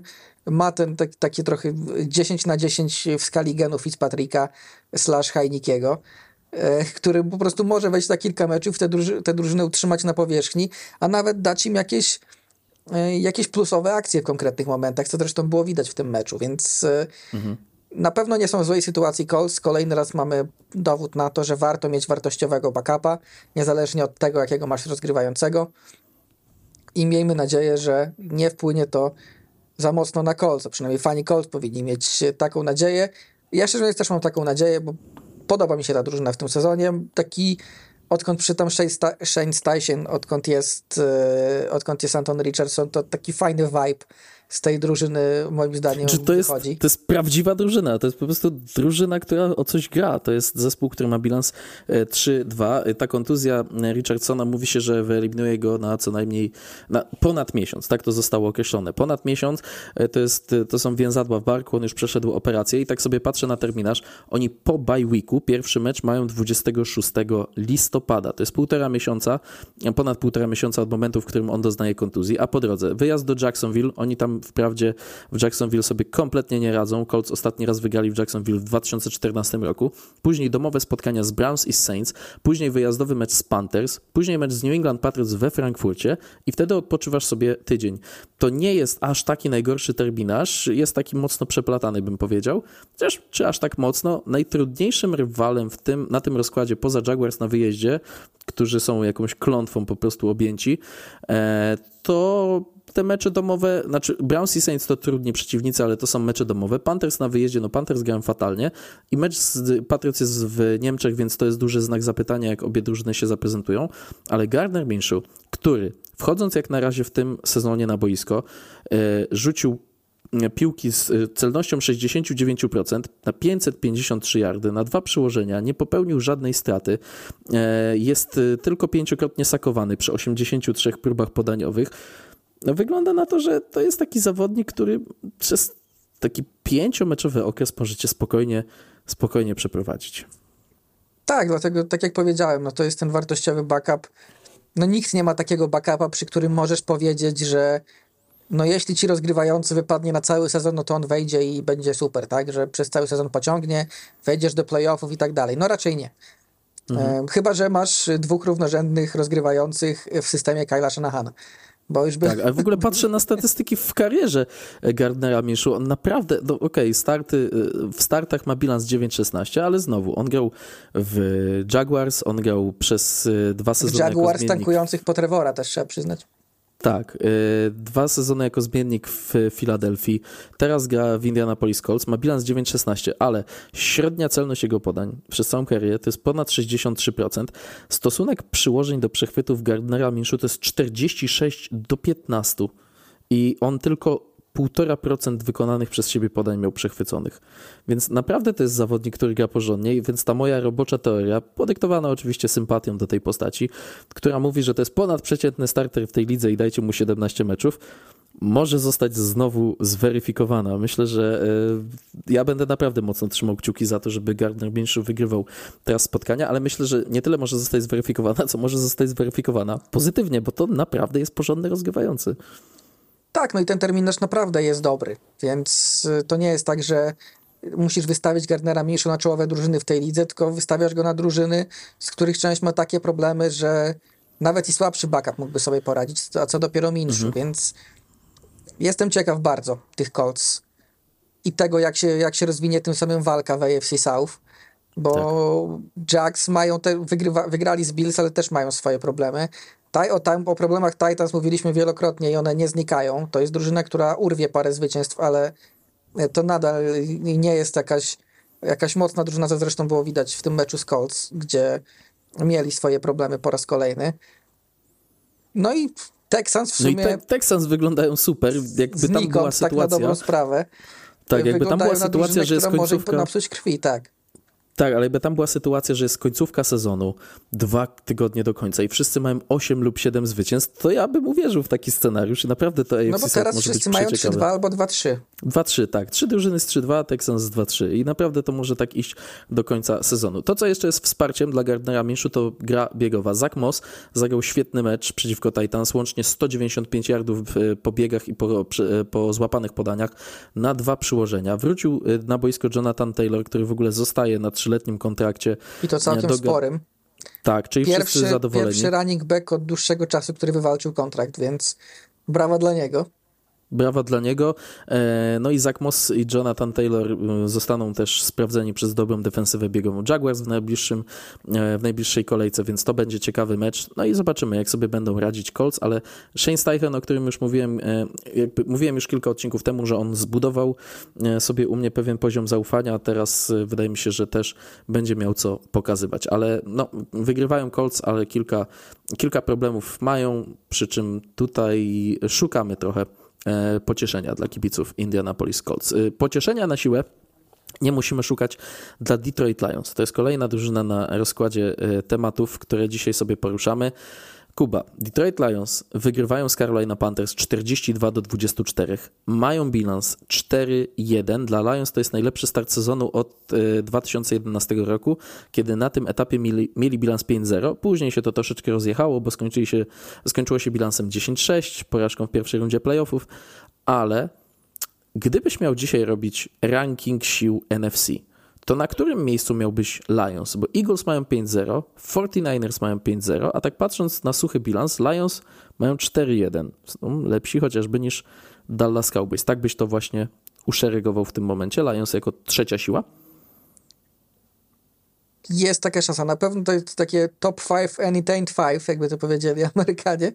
E, możliwe, że top 3. Na pewno Eagles i Niners są na dwóch pierwszych miejscach i myślę, że tutaj przewaga jest dość wyraźna. Mhm. Natomiast no, to trzecie miejsce jest takie no, do wzięcia, tak na dobrą sprawę. Każda drużyna walcząca o to trzecie miejsce ma swoje znaki zapytania, ma swoje problemy. Wydaje się, że te trzy drużyny, które teraz o to walczą, to e, Cowboys, Lions, Seahawks może, Rams tak. w, tej, w tej aktualnej wersji może gdzieś tam się zaczną kręcić, co byłoby sporym zaskoczeniem patrząc e, na ten off-season. Niemniej, może Packers? Może Packers, ale Packers też pokazują problemy, chociażby mm, w tym meczu, w tym meczu również z niezbyt dobrymi Raiders w tym sezonie. No ale Lions tak, Lions mogą być w tej chwili trzecią siłą tej, tej, tej ligi. Zobaczymy jeszcze jak Saints, czy to pokonanie Patriots, to tak mhm, jak w wypadku tak. Cowboys, wyłącznie zasługa beznadziejnych Patriots, czy jednak coś tam jest jeszcze na rzeczy z tą drużyną, szczególnie jak Derek Carr wyzdrowieje. No ale tak, na ten moment pewnie miałbym, jakbym miałbym stawiać, to postawiłbym Lions na trzecim miejscu. E, to, co mi się w meczu z e, Panthers podobało, to jest fakt, jak wypadła defensywa. Oczywiście możemy zwracać uwagę na to, że Panthers mają mocno zawodzący atak i to prawda, ale w przypadku Lions wiedzieliśmy na co stać ofensywę, natomiast obrona wymusza trzy straty i Aiden Hutchinson gra rewelacyjny mecz. To w ogóle już jest gwiazda tej ligi, chyba trzeba powiedzieć. E, zaliczył przechwyt bardzo efektowny. To jest jego czwarty przechwyt w karierze, co jest najlepszym wynikiem defensywnego liniowego w pierwszych 25 występach w NFL. Więc e, atak, e, e, obrana mi się bardzo podobała, ale co do ataku. Atak bez Amona St. Browna, bez Jamira Gibsa, a i tak nie widać, żeby miał jakiekolwiek problemy. I tutaj mam dla ciebie zagadkę. Czy w takim razie, jeżeli to tak będzie wyglądało, po tym sezonie powinniśmy w ogóle zamknąć dyskusję pod tytułem czy Jared Goff jest do wymiany przez Detroit Lions na innego rozgrywającego? Bo ja odnoszę wrażenie, że ten Jared Goff po prostu przeżywa no chyba najlepszy okres w karierze, bo w końcu nie mówimy o tym, że on jest sterowany joystickiem, w końcu mam wrażenie, że on jest y, po raz kolejny bardzo dobrze obudowany i on z tej obudowy potrafi dobrze korzystać, ale widać, że on nabrał takiego doświadczenia, takiej boiskowej mądrości. Czy naprawdę Jared Goff po zakończeniu tego sezonu znowu będzie otoczony całą tą dyskusją, a może Lions sięgną po debiutanta, bo tańszy, bo może w perspektywie czasu lepszy? Czy ten Jared Goff w tym momencie uderza pięścią w stół i mówi nie, to jest moja drużyna? Widziałem opinię, że Jared Goff is the new Doug, Doug Prescott, więc yy, trochę się, bo wcale mi się, trochę tak to wygląda, jakby się zamienili miejscami. Że teraz zaczynamy o Prescotcie mówić, czy to, jest, czy to nie jest rozgrywający, którego pasowałoby wymienić, żeby zrobić upgrade, bo jest niewystarczający. A z, z Goffem zaczynamy wchodzić właśnie w ten rejon, w którym mówimy, no ale no wyraźnie widać, że Lions potrafią z nim wygrywać, więc czemu mają go wymienić, tak? Z drugiej mm. strony, czy znowu nie jest tak, że, że tak jak za czasów Shona McVeya, e, Jared Goff ma najlepszego ofensywnego koordynatora w lidze w postaci Bena Johnsona? Bo no, Ben Johnson jest momencie... chwalony ze wszystkich stron i w zasadzie wszyscy już są przekonani, że on w przyszłym roku będzie head coachem. Chyba żaden koordynator tak. nie ma tak dobrej pracy jak, jak Ben Johnson. Tak, to właśnie, właśnie to chciałem wtrącić, ale, ale rzeczywiście może tak być, że to jest największy pewniak do tego, żeby pójść na swoje. Tak, no i pytanie na dobrą sprawę, okej, okay. wszystko zależy od tego, gdzie Lions zajdą w tym sezonie też, to na pewno. Jeśli zajdą e, do playoffów, jeśli wygrają mecz czy dwa w playoffach, to raczej nikt nie będzie mówił o wymianie Jareda Goffa, szczególnie, że ich możliwości draftowe co do tego nie będą zbyt wysokie. Natomiast y, ja bym chciał zobaczyć właśnie, jeśli tak będzie, to w przyszłym sezonie będziemy mieli prawdziwego Jareda Goffa, czyli bez Bena Johnsona, y, ale w dobrej drużynie, więc to będzie taki moment, gdzie faktycznie zobaczymy, czy ten Jared Goff faktycznie przeżywa odrodzenie, czy tylko po raz kolejny dostał topowego koordynatora w lidze. Oczywiście nie każdy rozgrywający potrafiłby tak grać nawet z topowym koordynatorem w lidze i to też trzeba mhm. zauważyć. Niemniej Goff to jest taki to jest taki rozgrywający, który no, gra bardzo dobrze, jeśli wszystko wokół niego działa tak, jak powinno, a w Lions w tej chwili tak to, tak to wygląda. W każdej statystyce, jaką sobie teraz nie przystawię, Jared Goff jest w pierwszej dziewiątce albo nawet szóstce najlepszych e, rozgrywających. Podaje z najwyższą celnością w swojej karierze, bo to jest blisko 70%. Jest bardzo rzadko sakowany. Ten, ta częstotliwość saków jest jedną z najniższych w jego karierze. W zasadzie to miał tylko jeden sezon, gdzie była ona niższa. To był sezon, w którym, e, w którym E, nie, to jest sezon po dojściu do Super Bowl, wtedy ta częstotliwość e, była odrobinę, e, odrobinę niższa. Bardzo efektywny, jeśli chodzi też o to, ile yardów przynoszą jego podania. No i nie traci piłki, bo jak do tej pory trzy przechwyty przy dziewięciu przyłożeniach. Wydaje mi się, że Jared Goff naprawdę. Naprawdę, na pewno można trafić dużo gorzej niż z Jaredem Goffem, a biorąc pod uwagę, że Lions powoli stają się drużyną, to już, to już nie jest taki lubiany przez wszystkich underdog. To jest drużyna, która chce wygrywać tutaj i teraz, więc zastanawiam się, czy e, największego sensu dla Detroit Lions nie miałoby wyciśnięcie tego Jareda Goffa jak cytryny do samego końca, bo mm, to wciąż nie jest stary zawodnik. On jest przed trzydziestką i mam wrażenie, że tak wyluzowanego, tak pewnego siebie, tak e, odnajdującego się w, w rzeczywistości, którego otacza Jareda Goffa, my wcześniej w lidze nie widzieliśmy nie liczy się skill tutaj, pure vibes i tyle, tak? To po prostu, tak, to tak. Jest, kogo obchodzą jakieś analizy, zaawansowane statystyki, he's that, that, go, he's that, that dog in him i jedziemy, i jedziemy z tematem. Jak, I tak nie, trochę jak, to... jak patrzę na Jareda Goffa y, y, i to, że on jest zawsze, mówi się, że on wygląda jak y, Ryan Reynolds, bo, Boże, nie Ryan Reynolds, tylko Ryan Gosling. Gosling. To, tak, jak Ryan Gosling, to przypomina mi się film Barbie i Jared, you are Kenough. tak jest.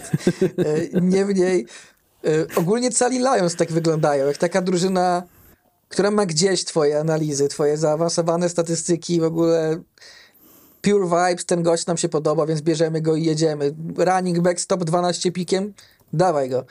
I, i, tak to, I tak to wygląda, no. I tak to wygląda w drafcie. Dwie, tak pierwsze, wygląda na... dwie pierwsze rundy na running backa i środkowego linebackera? Pewnie, że tak. Kogo, no właśnie, a kogo to obchodzi, morda? Fajne chłopaki są. Jedzie, jedziemy z tematem.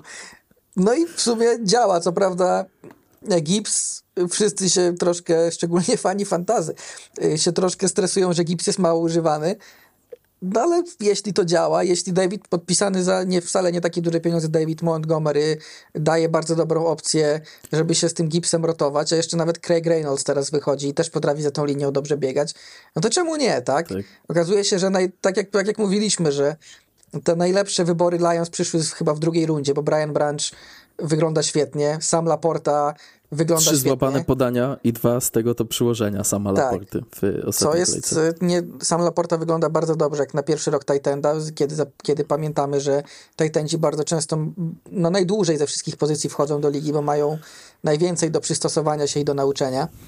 Mhm. Tymczasem no Brian Branch, y, wiele drużyn odpuściło sobie Briana Brancha, bo miał nie najlepsze statystyki atletyczne, a poza tym nie wiedzieli za bardzo jak go uczyć, bo nikt podchodząc do draftu nie wiedział, gdzie on ma grać. Czy on ma być safety, mm. czy on ma być cornerem, czy on ma być slot cornerem. Yy, dlatego sporo drużyn myślę, że go odpuściło. A kogo to, kogo to obchodzi? Fajny a chłopak to, przyda się. A kogo, to, a kogo to obchodzi? On wchodzi na boisko i gra. Co mnie obchodzi gdzie? Tak. I, I, tak to z Brianem Branchem wygląda w tej chwili.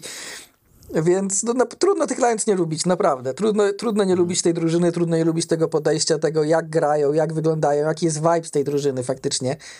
No i w końcu ten vibe się zaczął przekładać na wyniki, bo 4-1 to jest dobry start i wygląda na to, że dalej to tak będzie wyglądało, że nie będzie to tak jak chociażby w ubiegłym sezonie, gdzie też myśleliśmy, że jest fajny vibe i fajnie to wygląda. Ostatecznie Lions nie było w playoffach.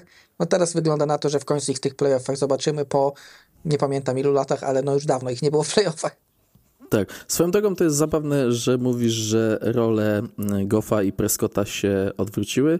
To jest dokładnie dwóch rozgrywających, których mam w fantazy w naszej lidze z kolegami z czatu NFL-owego, który, których serdecznie pozdrawiamy i co kolejkę mam wielki zgryz, kogo wystawię, Jareda Goffa czy Daka Prescotta i w tej kolejce też nie wiem, bo Dak Prescott gra z Chargers i tak patrząc na cyferki w fantazy, to jest troszeczkę lepszy matchup dla rozgrywającego. Goff gra na wyjeździe z Buccaneers, ale patrząc na formę, w ogóle bezdyskusyjnie Goff powinien być być u mnie w wyjściowym składzie, tylko wiadomo, że w fantazy trochę też gramy na przeciwnika, e, ale chyba wyjdę Goffem, chyba wyjdę Goffem, e, a nie wiem, czy Daka Prescotta. Daka Prescotta e, to nie wiem, czy sobie w ogóle nie zrzucę z waiverów na jakiegoś innego rozgrywającego, żeby nie mieć tego, tego zgryzu. Uwa- uważaj, bo dzisiaj widziałem mema a propos, a propos fantazy, że yy, co, możesz co maksymalnie możesz znaleźć w tym tygodniu na waiverach i tam był screen z tego sketchu Kaya and Pila z tymi zawodnikami z randomowymi nazwiskami. tak Marius, tak Teratrix. Tak jest. I, I takich zawodników można znaleźć w tym tygodniu na waiverach, więc może lepiej trzymać się tych, których masz. No może, może. Ja generalnie w, w, tej, w tej lidze akurat nie lubię tak rotować mocno składem, a nie wiem, kto wyrzucił w tej lidze Michaela Thomasa, ale bardzo dziękuję, bo mam tak obsadzone skrzydła, że fakt, że Saquon Barkley jest kontuzjowany i muszę grać jakimiś randomami na running backu w ogóle mnie nie boli. To może jakaś, mam jakaś, jakaś wymiana po running backa, może, nie wiem. Może, to, to coś pokombinuję później. Ale jeszcze co do tego meczu, chcę słówko o Panthers wrzucić, bo Frank Reich po tym meczu dość wyraźnie zasugerował, że właściciel klubu David Tepper mocno się wtrąca. Wygląda na to, że Reich wpadł z deszczu pod rynnę z Indianapolis, ale czy myślisz, że tutaj e, to wtrącanie nie ma drugiego dna w postaci rozgrywającego? Na to wygląda i co więcej dziennikarze zajmujący się Panthers, będący dookoła Panthers, no mówią o tym, że no nie, nie, może nie, nie, nie wiedzą tego wprost, ale przez cały proces draftowy, przez cały off-season, wszystkie wieści, jakie napływały z Panthers, to było CJ Stroud z jedynką do Panthers. Tydzień przed to się zmieniło i nagle pojawił się Bryce Young. Pojawiają się informacje, że to nie był wybór Franka Reicha czy Chrisa Ballarda, tylko to była Proszę, Chrisa Ballarda, pomyliłem oczywiście. Chris, Chris Ballard był w Colts z, Colts. Frankiem Scotta Fitterera. E, tylko, że to był wybór Davida Tepera, czyli właściciela, który wszedł i powiedział, chcemy Bryce'a Younga z jedynką, chcemy, żeby on był częścią naszej franczyzy. Oczywiście nie oznacza to nagle, że Bryce Young jest już bastem i nic z niego nie będzie, absolutnie nie. Po kilku tygodniach tego nie jesteśmy w stanie stwierdzić, szczególnie, że on miał z góry być tym z tej dwójki Young Stroud miał być tym, który będzie potrzebował więcej czasu na rozwój, a Stroud miał być bardziej pro-ready, co zresztą widać. Ale sam fakt, że właściciel robi coś takiego, no to nie świadczy najlepiej dla franczyzy na przyszłość. A Frank Reich przeszedł z drużyny, w której no, Jim Irsay, wiemy jaki jest Jim Irsay w Colts i jakie potrafi mieć wpływ na drużyny, do, do drużyny, w której właściciel wybiera mu rozgrywającego, którego on nie chce. I doskonale wszyscy wiedzą, jaki typ, co więcej, doskonale wszyscy wiedzą, jaki typ Frank, rozgrywającego Frank Reich lubi. Wysoki, dobrze zbudowany, podejmujący dobre decyzje, dobrze zarządzający grą. Czyli wszystko to, co ma CJ Stroud, wszystko to, czego nie ma Bryce Young. Jeśli, jeśli byłby to jego wybór, no to byłby bardzo mocno niepodobny do Franka Reicha, dlatego wszystko tu się składa w całość. No i niestety pecha ma do tych właścicieli Frank Reich, na to wygląda, a kibice Panthers mogą się bardzo mocno martwić, bo nigdy to nie jest dobry sygnał, jeśli właściciel się wtrąca w taki sposób. Możesz być właścicielem jak Jerry Jones, który po prostu jest jednocześnie generalnym menadżerem i wtedy okej, okay, tak, to są jego decyzje i on sobie może z nimi robić, co ci się podoba, ale jeśli zatrudniasz trenera i generalnego menadżera, a potem sam podejmujesz decyzję, no to to niestety troszkę przegięcie pały w tym wypadku i co więcej, na ten moment wygląda, że to było przegięcie pały w złym kierunku. Miejmy nadzieję, że, że Bryce Young się będzie rozwijał, bo ja akurat Younga lubię, lubię, lubię ten sztab w Panthers. Ale no cóż, no te wszystkie filmiki, które wychodziły, jak Josh McCown rozmawiał z CJ Stroudem na Prodeju, gdzie mówi, no dobra, to jak przyjedziesz do Caroliny, to załatwimy to, to i to. Gdzie wszystko, naprawdę wszystko wskazywało na to, że to CJ Stroud będzie wybrany z jedynką przez dobre kilka miesięcy. No nagle się okazuje, że wszystko mógł zmienić nie decyzja sztabu, a właścicieli. To nigdy nie jest dobra informacja. Panthers są w złej sytuacji. Najgorsza drużyna w lidze pod względem bilansu. Nie mają własnego pierwszorundowego piku. Zaraz się okaże, że oddadzą Bersji jakąś jedynkę w drafcie albo coś. Mhm. Źle to wygląda. Źle to bardzo wygląda na przyszłość. To jest najbardziej przez nas przestrzelony typ w tym sezonie i w ogóle tak. nic innego się nie zbliża, bo obaj byliśmy zgodni, że Panthers powalczą o zwycięstwo w dywizji. Nic takiego się nie wydarzy. Patriots, Kuba, musimy poruszyć po raz kolejny, e, bo Patriots są ponownie rozbici. Po prostu zostali rozbici przez Saints. Saints w, na stadionie w Foxborough wygrywają aż 34 do 0, a to pokazuje, to y, sprawia, że Patriots w dwóch ostatnich meczach zostali łącznie pokonani stosunkiem 3 do 72. To jest najwyższa porażka do zera w historii Patriots. Tydzień wcześniej mieliśmy najwyższą porażkę w karierze Billa Belichicka z Dallas Cowboys. E, Mac Jones znów ląduje na ławce rezerwowych, oddaje fatalny rzut kończący się pick six, potem w trzeciej kwarcie chce tak przerzucić piłkę do running backa, też głupia decyzja, kończy się to fumble. Znowu wracamy do tej samej dyskusji e, w, związanej z New England Patriots. E, Saints to doskonała obrona, która wymusiła trzy straty, oddała tylko 156 yardów. Patriots oddała tylko 8 pierwszych prób w 14 posiadaniach. Przy 14 podejściach do trzecich prób Patriots przeszli po pierwszą próbę tylko raz. No i wiedzieliśmy, że ta defensywa Saints jest doskonała. Wiedzieliśmy też y, po tym, co wydarzyło się tydzień temu, że to jest bardzo ważny mecz dla Patriots pod kątem tego, na co się w zasadzie nastawiać.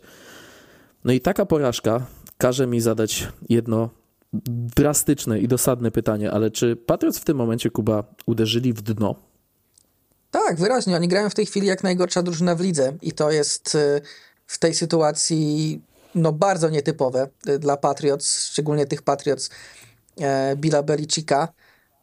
Przy czym no, tu też trzeba powiedzieć, że to nie jest do końca w sensie, że to nie jest drużyna tak zbudowana. Oni w pierwszych trzech tygodniach nie wyglądali jakoś super dobrze, ale wyglądali po prostu na ligowego średniaka.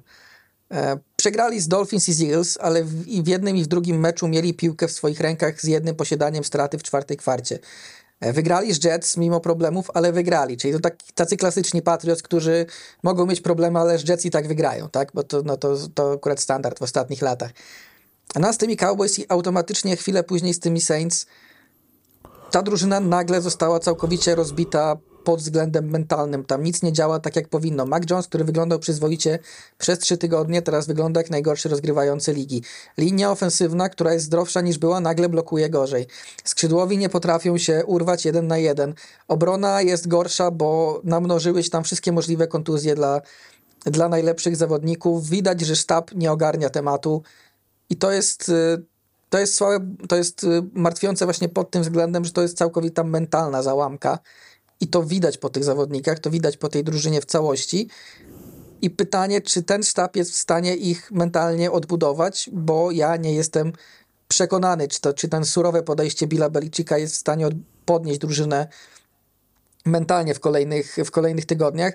No do tego stopnia, że wygląda na to, że tak jak mówiliśmy, że nigdy dopóki Bill Belichick jest trenerem Patriots, to Patriots nie będą tankować bo oni zawsze są w stanie wytrenować sobie co najmniej średnią drużynę, tak jak było ten sezon z Camem Newtonem, gdzie roster był beznadziejny, oni i tak zrobili 7-9, mhm. a nawet była szansa tam chyba na więcej. To teraz wygląda na to, że ta drużyna jest tak rozbita, że Bill Belichick oczywiście nie będzie tankował i on nie chce tankować, ale po prostu oni sami z siebie mogą być tak słabi, żeby w końcu mieć wysoki pik w drafcie. Wiesz ile razy w ciągu yy, pobytu Belicika w Patriots Patriots mieli pik w top 5? W top 5 nie mieli nigdy. Nigdy. Mhm. Najwyższy, najwyższy z numerem szóstym w 2001 roku wybrany Richard Seymour, Richard Hall of Seymour, Famer, tak. ale to było 20, 22 lata temu. Poza tym najwyższy jakikolwiek wybór, jedyny inny w top 10 to jest wybrany z dziesiątką w 2008 roku Jared Mayo. I mhm. to jest wszystko. I na Ale to jest sprawę. efekt jakiejś wymiany, bo przecież tak, to 2008 Właśnie, sezon 2008, e, czy draft 2008 jest po sezonie 2007, gdzie nie byli, e, gdzie nie Nie, nie, nie swojego, swojego piku Patriots Top 10 nie mieli od czasu tego piku Seymoura, bo to, ten tak. pierwszy sezon Belichicka zakończył się bodajże bilansem 5-11 i, tak, wtedy, tak, i tak. wtedy, to, wtedy to było...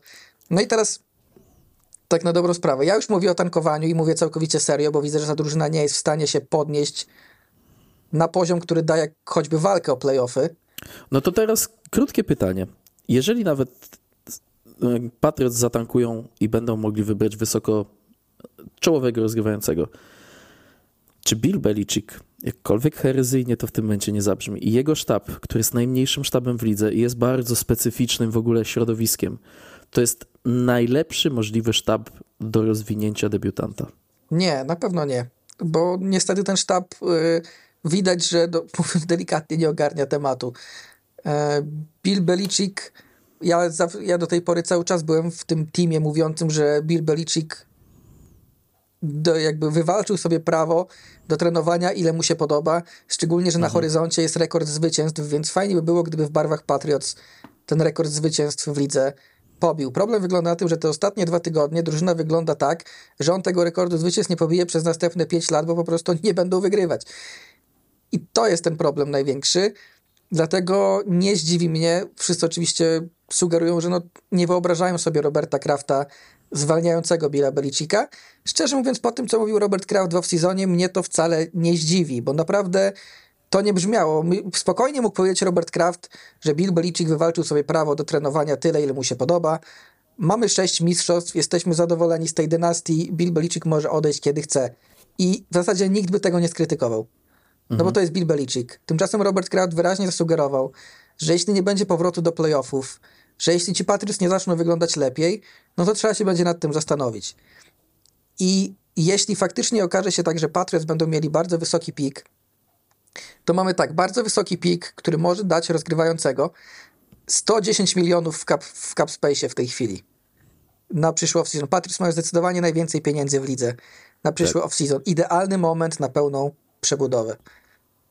Szczególnie jeśli będą mieli wysoki wybór. Dlatego ściągnięcie kogoś innego, znaczy nie wiem, czy to będzie ktoś inny. Moim zdaniem faworytem, gdyby byli ci odszedł, jest Jared Mayo, który już jest w tym sztabie, żeby zostać head coachem, ale może generalny menadżer byłby z zewnątrz, nie wiadomo.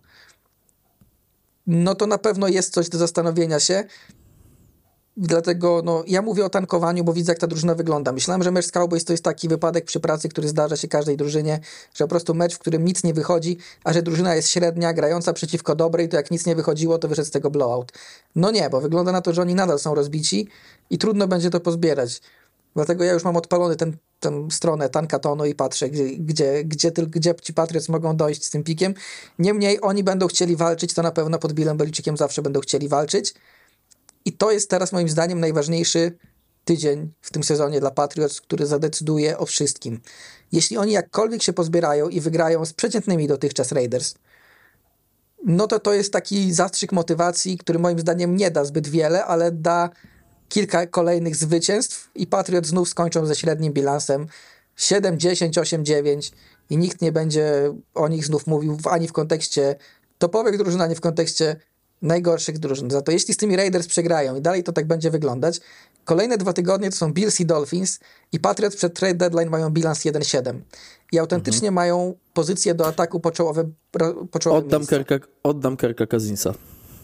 Obie drużyny nie, po 1-7, oddam ci Kerka Kazinsa. Ale dlaczego chcesz to zrobić Kerkowi? Dlaczego on z drużyny, która go męczy dziurami w ataku, ma przejść do drużyny, która ma ich jeszcze więcej? Daj chłopu spokój. Niech on idzie do jakiejś drużyny, w której w końcu będzie mógł pograć w futbol, a nie się zastanawiać, czy przeżyje mecz.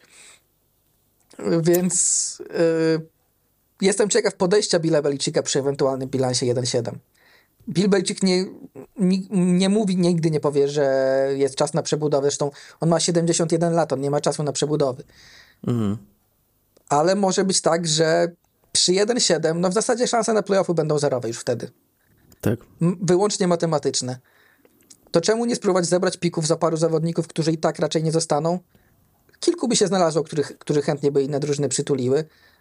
I spróbować no i okej, okay, dograć, walczyć, powalczyć o zwycięstwa, które teoretycznie Bill zbiera do rekordu, no ale tych zwycięstw nie będzie zbyt dużo. Ja autentycznie trochę teraz żałuję, że ten terminarz wyglądał na może najtrudniejszy w lidze przed sezonem, ale teraz, teraz stał się trochę łatwiejszy, niestety. niestety dla chcących tankować, tak jak ja, bo Giants wyglądają dużo gorzej niż myśleliśmy. Broncos wyglądają gorzej niż myśleliśmy. Jets stracili Rodgersa.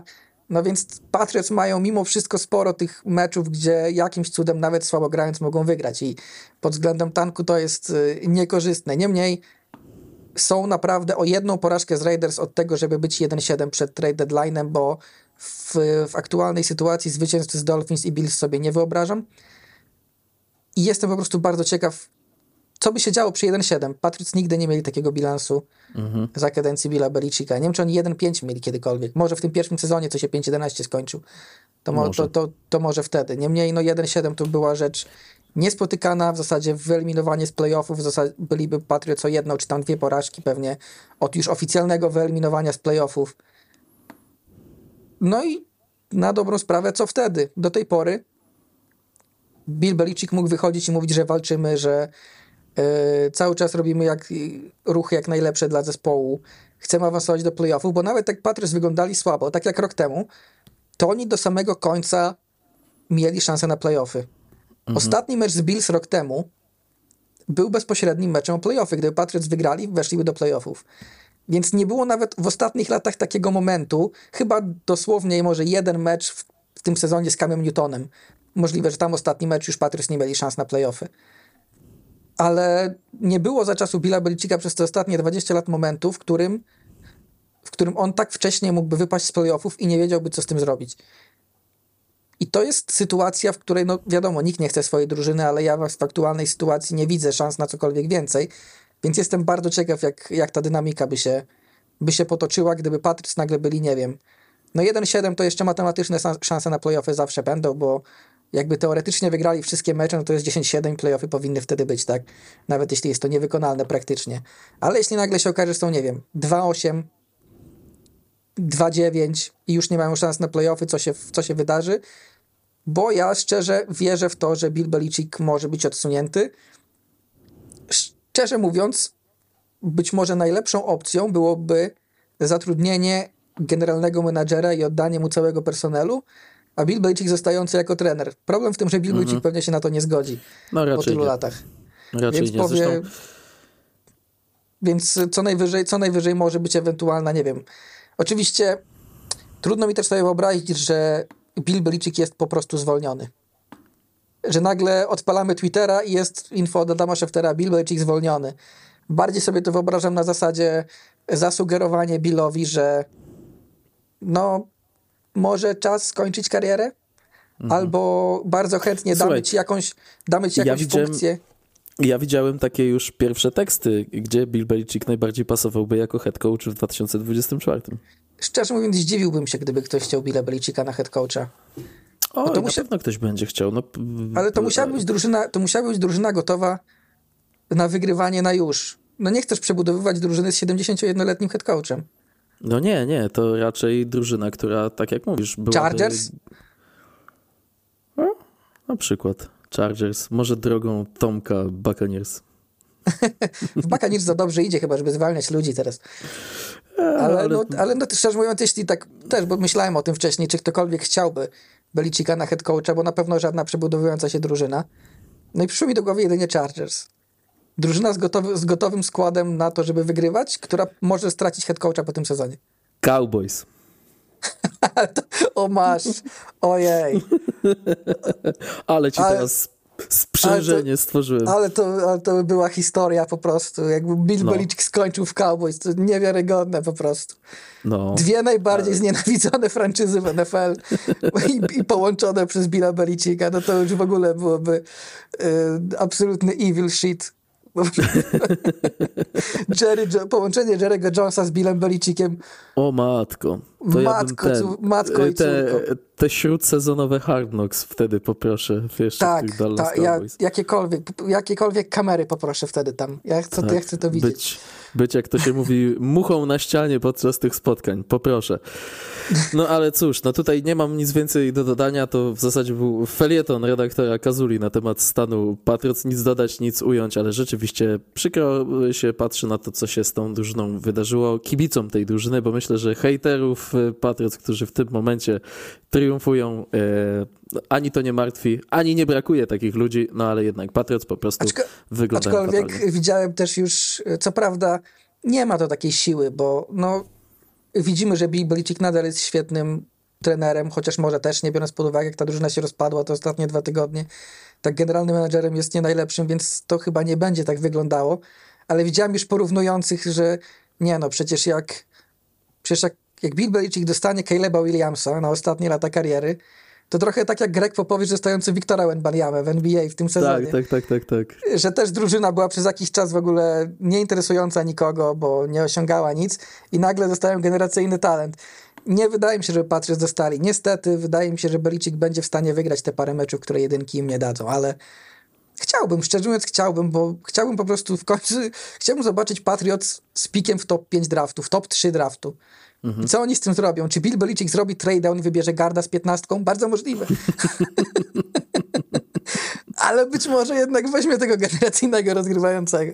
Nie no, myślę, że w ogóle przy obecnej sytuacji on cały czas tam mówi, że Mike Jones to nasz starter, w ogóle zbywa te pytania. E, mało prawdopodobne wydaje mi się podjęcie kolejnej opcji, tej opcji piątego roku. Wydaje mi się, że tak jak, tak jak w normalnych okolicznościach, tak jak w normalnych okolicznościach myślałbym, byłbym raczej za, w tej opinii, że Bill Belichick przytrzyma się tego średniego rozgrywającego, e, ponieważ go zna i wie, co może z tym być, zamiast próbować czegoś nowego, bo Bill Belichick zazwyczaj tak działał. Chociaż nie wiem, jak w kwestii rozgrywających. Przez 20 lat miał Brady'ego, nie musiał nic działać. Ale że raczej trzymałby się tego średniego, musiałby być Mac naprawdę beznadziejny do końca sezonu, żeby go wymienił. Tak patrząc na te wszystkie raporty, które słyszymy od tamtego sezonu, że ta relacja Belicika z Jonesem jest naprawdę nie najlepsza, to zaczynam wierzyć w to, że faktycznie tego Jonesa już w przyszłym roku tu nie będzie, jeśli oczywiście Belicik zostanie, nie zosta zostanie head coachem. A jeśli nie zostanie, to myślę, że nowy sztab też bardzo chętnie pójdzie w innym kierunku, ale no jeśli zostanie Belicik, to tak, szczególnie tak grający Jones, który oczywiście ma beznadziejną sytuację i ma prawo być spanikowany, kiedy jego linia w dwóch ostatnich meczach oddaje presję dosłownie w co drugim snapie, bo takie są statystyki. Mhm. No ale on jednak jest spanikowany i próbuje robić za dużo i pogarsza sytuację sam z siebie. To jest w pewnym sensie ekscytujące i martwiące, chociaż w tej sytuacji bardziej ekscytujące, no bo dużo gorzej być nie będzie, a zawsze takie nowe otwarcia są ekscytujące. Aczkolwiek w Patriots jest też, też ta dziwna zasada, że bardzo wielu fanów było podekscytowanych odejściem Josha McDanielsa, a skończyli z Matem Patricio, także to trzeba poczekać jeszcze. To trzeba usiąść na spokojnie po sezonie. Zobaczymy, tak. zobaczymy jaki Patriots będą mieli pik, bo wygląda na razie na to, że mogą mieć no, nawet najwyższy odkąd Beliczyk jest head coachem tej drużyny. Popatrz i koniec końców y, może tak być, że obie nasze drużyny będą miały bilans 1-7 w połowie sezonu. Będziemy się, będziemy się bić o Caleba Williamsa. Dobra. Jak, A przegrany, przegrany bierze Drake'a Maya, więc też nie jest tak źle. Też jest super. Y, też by było całkiem przyzwoicie. Zostały nam jeszcze dwa krótkie tematy po tym twoim felietonie na temat y, Patriots. Pierwszy to Steelers. Steelers, czyli jak sobie to zanotowałem, Steelers, czyli bądź tu mądry. Pittsburgh Steelers wygrywają 17 do 10 z Ravens. Obie drużyny mają bilans po 3-2 i mam przeciekawą statystykę dotyczącą tej rywalizacji. To był czwarty raz w erze Johna Harbaugh w Ravens, kiedy Ravens ograniczają Steelers do maksymalnie trzech punktów po trzech kwartach.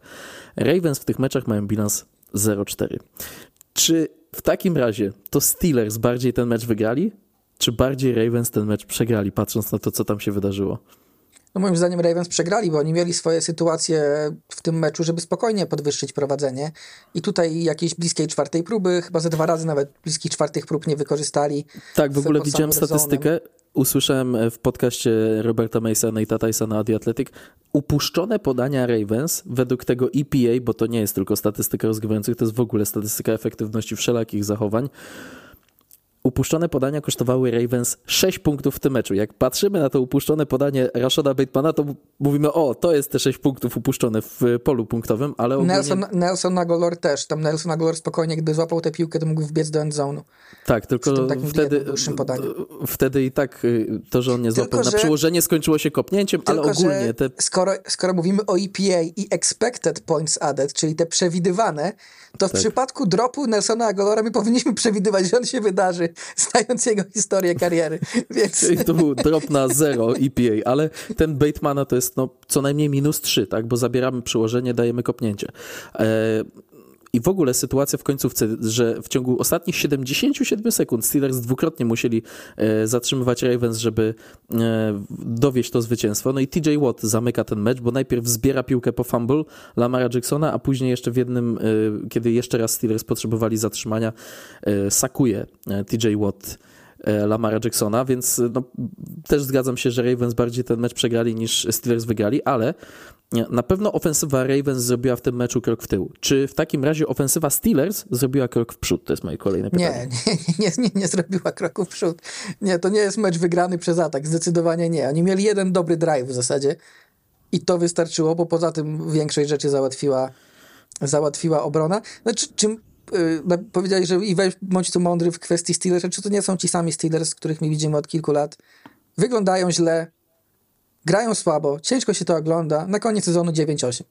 I, i, i, I, tak co roku. Wygląda na to, że tu może być, że tu może być podobnie, chociaż no, ten atak wygląda źle faktycznie i trudno cokolwiek jeszcze o tym powiedzieć. Mówiliśmy zresztą już o tym, niewiele się zmieniło od tamtej pory, bo pod wodzą Mata Kanady, zresztą w ogóle jest plotka, nie, nie wiem czy potwierdzona przez kogokolwiek, nie wiem czy widziałeś filmik, jak Steelers zdobywają zwycięski touchdown, a Matt Kanada nawet się z tego nie cieszy, kiedy kamera na niego najeżdża. Wszyscy się cieszą dookoła niego, a on w ogóle nawet nie ruszył kącikiem ust. I pojawiła się plotka, że to dlatego, że zagrywka, która dała ten touchdown, to był audible, czyli zmiana Kenego Piketa, a nie zagrywka Mata Kanady. Więc to by był kolejny kamyczek do ogródka tej cudownej relacji Steelers z Kanadą gdyby się okazało, że być może najbardziej ekscytująca kibiców zagrywka w tym sezonie, która dała zwycięstwo nad Ravens, nawet nie była jego.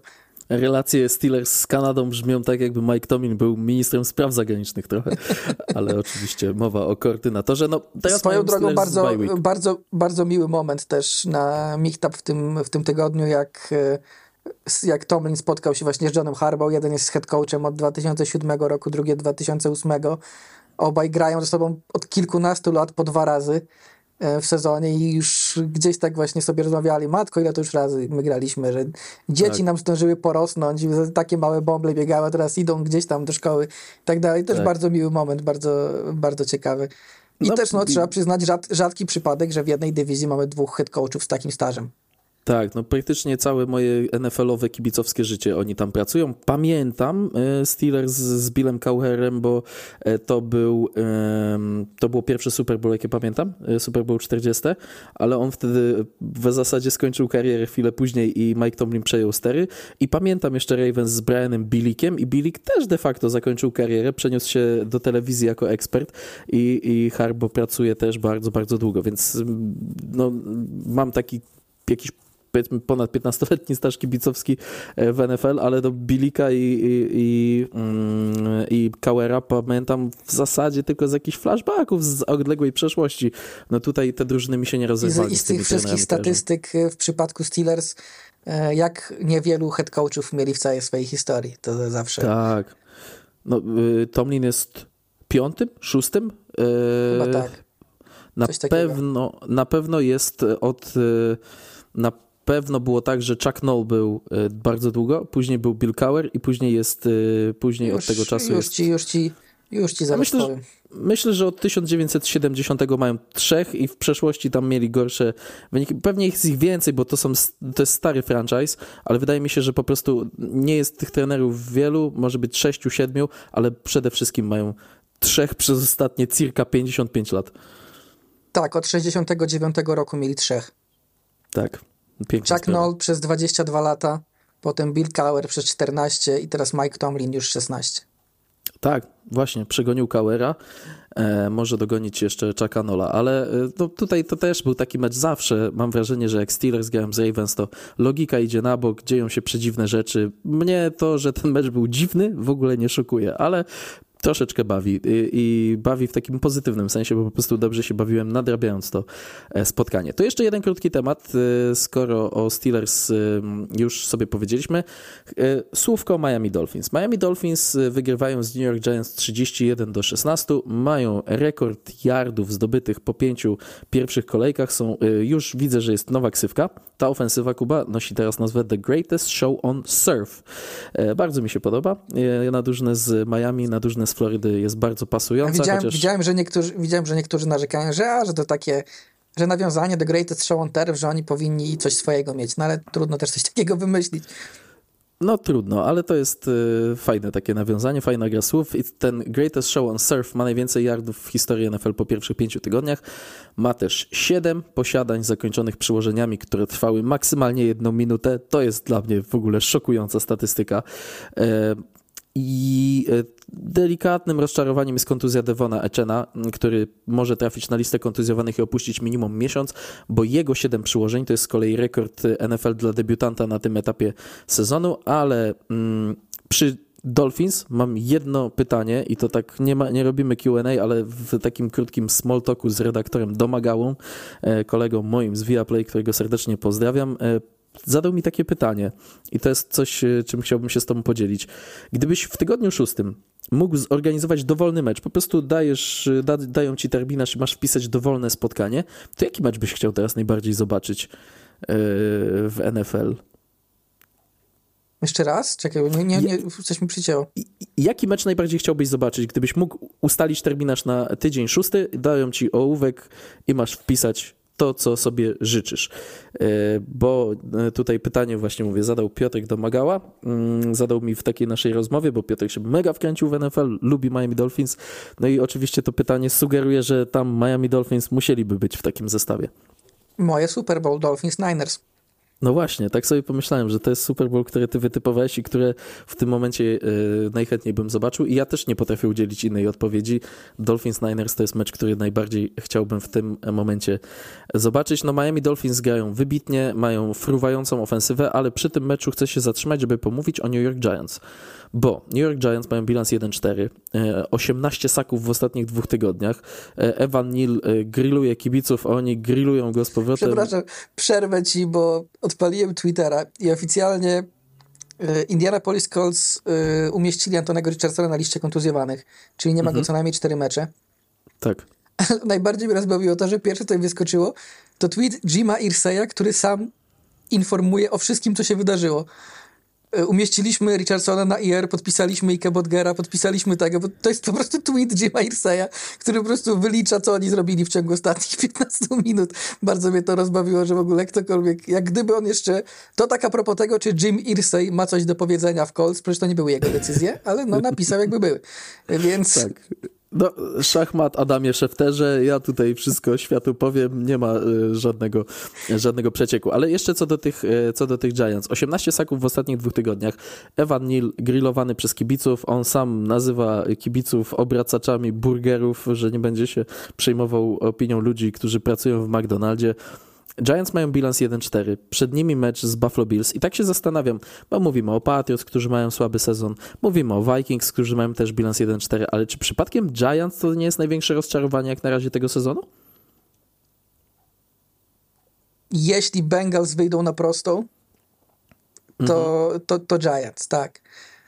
Wiedzieliśmy, że to może być, że po sezonie, w którym oni no, trochę przekroczyli oczekiwania, że może być tu taki trochę powrót do rzeczywistości delikatny i sprowadzenie ich na takie miejsce, na które nam się wydawało, że będą. No ale to nie było to miejsce.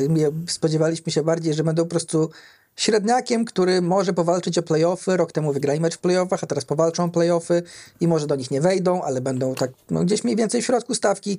No tymczasem Giants wyglądają jak jedna z gorszych drużyn w lidze i to jest bardzo, bardzo duży problem, szczególnie chwilę pod podpisaniem dużego kontraktu z Danielem Jonesem, ale to też trzeba przyznać, że faktycznie zawodzi go bardzo mocno linia ofensywna, która no jest też jedną z gorszych w lidze. Faktycznie Iwan Nil, no, wybrany w top 10, ja posypuję głowę popiołem. Wydawało mi się, że i Iwan Nil, i, i, i Kiekłonu z tego draftu w top 10 to będą dwaj zawodnicy, którzy spokojnie mogą być takimi liniowymi na lata powyżej średniej. Tymczasem obaj sobie nie radzą jak na razie. Jeden w Panthers, drugi w Giants. Wygląda to dramatycznie wręcz y, wydaje się, że po prostu tamta klasa ofensywnych takli była beznadziejna, bo tak to na razie wygląda. Mm. No ale cóż, co, trzeba, to jak, co, trzeba coś z tym zrobić i będą musieli Giants coś z tym zrobić. Pytanie, ile jeszcze szans dostanie Ivan Neal? Czy, nie za, czy za chwilę się nie okaże, że trzeba będzie znowu wybierać wysoko w drafcie ofensywnego takla, szczególnie, że zapowiada się bardzo dobra klasa, nawet chyba najlepsza od lat, jeśli chodzi o ofensywnych takli. No niemniej wygląda to źle, wygląda to dużo gorzej niż rok temu. Nie, Brian Dable nie daje rady tak schematycznie nadrobić braków rosterowych, jak robił to w zeszłym roku.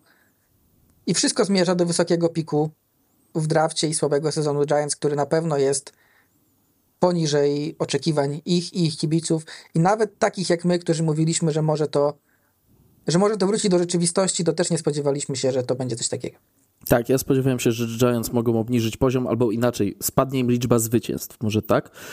E, ale nie sądziłem, że tak spadną z poziomu gry, więc naprawdę to jest gigantyczne rozczarowanie. Teraz przed meczem z Bills w ramach Sunday Night Football nadzieją może być powrót Saquona Barclaya, ale z kolei kontuzji doznaje Daniel Jones. No naprawdę zawsze coś wyskakuje w tych, w tych New York Giants.